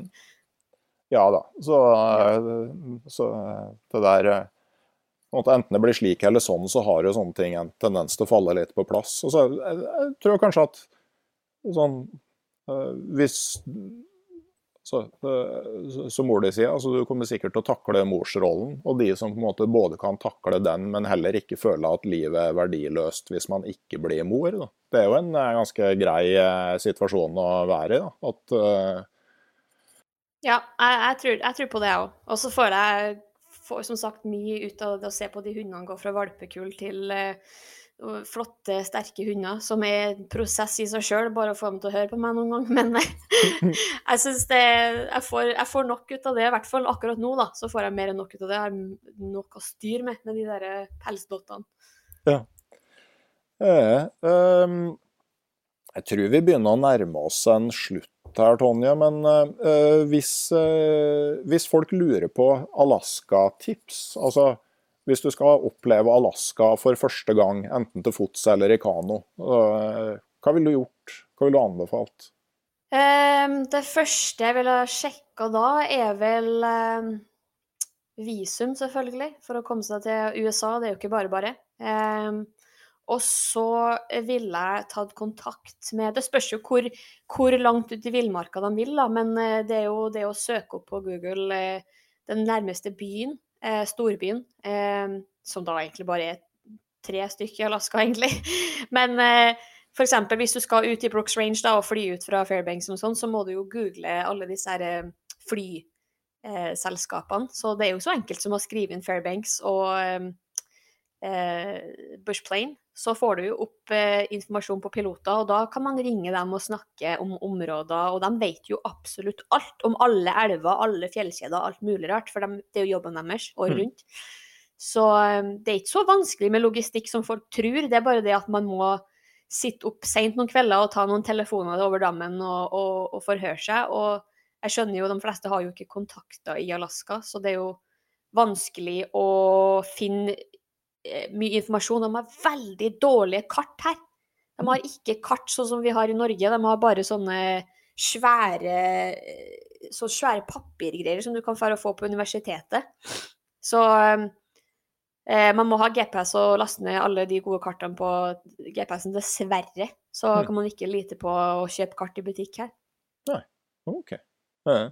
Nei, men eh, begynn på nett, ja. Det kan også nevne at jeg lagde en episode sammen med eh, Jan Monsen og Mattis Tørud om eh, å realisere drømmen om Canada og Alaska. Den ligger et stykke bak i, bak i rekkefølgen her og kan, eh, kan hentes fram. Og vi eh, la òg ut eh, på Patrion en del sånn linker eh, både til ja, eh, prosess med våpen og visumsøknader, og, eh, men også med en del Bush-flyselskap både i, Canada og Alaska som et sånn startpunkt. Ja. Mm. Den episoden har jeg faktisk hørt, så Ja, hva, hva, sa, hva sier sensoren? Satt du med rødpennen og, og fant ting du ikke var enig i, eller syns du det hørtes fornuftig ut? Eh, nei, alt stemte jo bra, det. Jeg tror det eneste man må eh, ta inn i eh, Ta inn over seg, at det er nok en del flyselskap som eh, Det er færre og færre av dem. De fleste, det er mange som eh, legger opp, for det er mye eldre piloter. Eh, så de, går, eh, de legger opp bedriften sin. Og så eh, er det jo, for å være helt ærlig, så er det en del ulykker her. Så det var nettopp en pilot her som døde ja, et par uker siden. Eh, Så man må, må i hvert fall sørge for at man finner de gode selskapene, og ikke booke med de billigste, fordi de er ofte ikke de mest pålitelige pilotene, etter min erfaring. Ja, OK. Ja. Mm. Nei, det er spenning i alle ledd. Um, Jep, det var veldig hyggelig at du tok deg tida til å eh, stille opp her, eh, Tonje. Det setter jeg stor pris på. Det er jeg helt sikker på at eh, lytterne òg gjør. Jeg bruker jo normalt å avslutte med å spørre hvor du egentlig helst ville vært i dag, hvis du ikke var i stua eller på hjemmekontoret til kompisen din hvor nettet er raskt nok til å ta opp podkast. Men så ser jeg at den episoden her, den eh, kommer jeg til å legge ut på lille julaften. Og da tenkte jeg at ah. da spør jeg heller Tonje, hvordan kommer du til å feire jul i år? Um, jeg har eh, Mest sannsynlig så tror jeg jeg kommer til å booke en hytte eh, med venner, og så ta julaften ut eh, og kjøre bikkja ut og, kjøre, og ta en par dager der.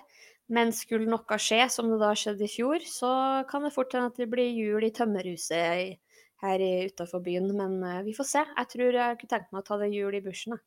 Ja. Hva er det du serverer til julemiddag? Er det caribou, eller er det ribbe eller pinnekjøtt? Jeg skal fortelle deg at eh, jeg har, etter eh, masse research så har jeg funnet en, en mann fra Minnesota som lager norsk pinnekjøtt, eh, eller eh, sitt eget pinnekjøtt og ribbe, så jeg bruker eh, kanskje 2000 kroner hver jul nå på å bestille opp hit eh, norsk julemat, for jeg er drittlei av å ete den kjedelige norske, eller amerikanske maten, så man må ha ordentlig jul. Det eneste kravet mitt til julaften, at det er litt ribbe og litt pinnekjøtt. Mm. Men du har en challenge til deg for neste jul, da, Tonje. Mm. Hjemmelagd pinnekjøtt av Dollsheep. Åh, I wish! Det skal, det, OK, den er grei. Den skal vi eh, Den skal jeg ta opp, og så skal jeg sende deg bilde, for det hadde vært nice. Ja, og så må du få i gang eh, drivhus på propertyen og dyrke kålrota sjøl. Gravstor. Kål, du, kål har jeg allerede grodd i sommer, så der er du for seint ut. Ja, OK. Nei, men da er det Da er det pinnekjøtt av Dollskip julaften 2023. Ja, det blir press på meg nå høsten 2023, ser jeg. Men uh, det skal jeg få til. ja, det, det, høres veldig bra ut. Da får du um, ha ei riktig, riktig, god jul, Tonje. Og så får du ha lykke til med langtur utover vinteren. Takk skal du ha. Takk for at jeg fikk være med. Da var vi kommet både til slutten av denne episoden og av høstsesongen av podkasten Uteliv. Jeg tar nå ei aldri så lita pause. Litt juleferie skal jeg ha, men jeg skal òg bli ferdig med to bokmanus. Begge de her bøkene kommer utpå våren, etter planen. Planen er også å være tilbake med nye episoder i månedsskiftet januar-februar, sånn cirka. Planleggingen av vinter- og vårsesong er i full gang, og jeg har allerede spennende tema og gjester på blokka. Jeg vil som vanlig si takk til dere som støtter podkasten Uteliv på Patrion. Uten dere hadde ikke podkasten vært det den er. Dem som er med i det digitale turlaget på Patrion, vil etter hvert bli involvert i planlegginga av en del av vårsesongens episoder. Dere er en kunnskapsrik gjeng som alltid har interessante kommentarer og synspunkt. Jeg nevner òg at jeg kommer til å være på plass på messa Camp Villmark på Norges varemesse fra 24. til 26. mars. Og dere som har medlemsnivået Ekspedisjonsmakker på Patrion, vil også i år få tilbud om gratis inngangsbillett til messa. Det er altså flere gode grunner til å bli med i det digitale turlaget på Patrion Enten du følger linken i episodeinfo, går inn på patrion.com, eller åpner Patrion-appen og søker deg fram til podkasten Uteliv, så kan du bli med i laget bare i løpet av noen få minutter. Jeg håper å se mange av dere der. Helt til slutt ønsker jeg alle sammen ei riktig god jul. Så høres vi litt utpå nyåret. Ha det bra!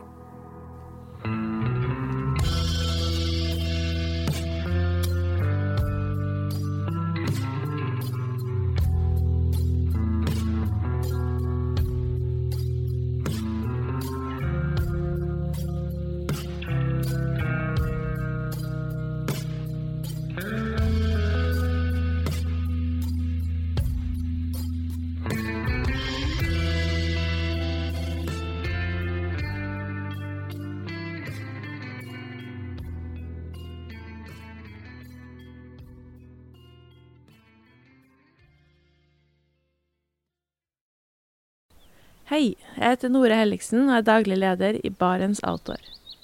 Det beste vi kan gjøre for planeten, er å redusere forbruket vårt og få mer ut av det utstyret vi allerede har. Men vi vet av erfaring at bruken av telt kan endre seg over tid. Det teltet du kjøpte for to år siden, passer kanskje ikke det behovet du har i dag. Derfor har vi i Barents etablert en egen panteordning der vi tar imot brukte telt av god kvalitet i innbytte når du kjøper et nytt av oss. Prosessen er enkel. På barentsoutdoor.no gir du oss informasjon om teltet du vil bytte inn. Basert på det får du et tilbud fra oss som gir deg rabatt på ditt neste Barentsprodukt. Mer info og betingelser finner du på barentsoutdoor.no. Og husk at den første reparasjonen på produkter fra Barents er alltid gratis.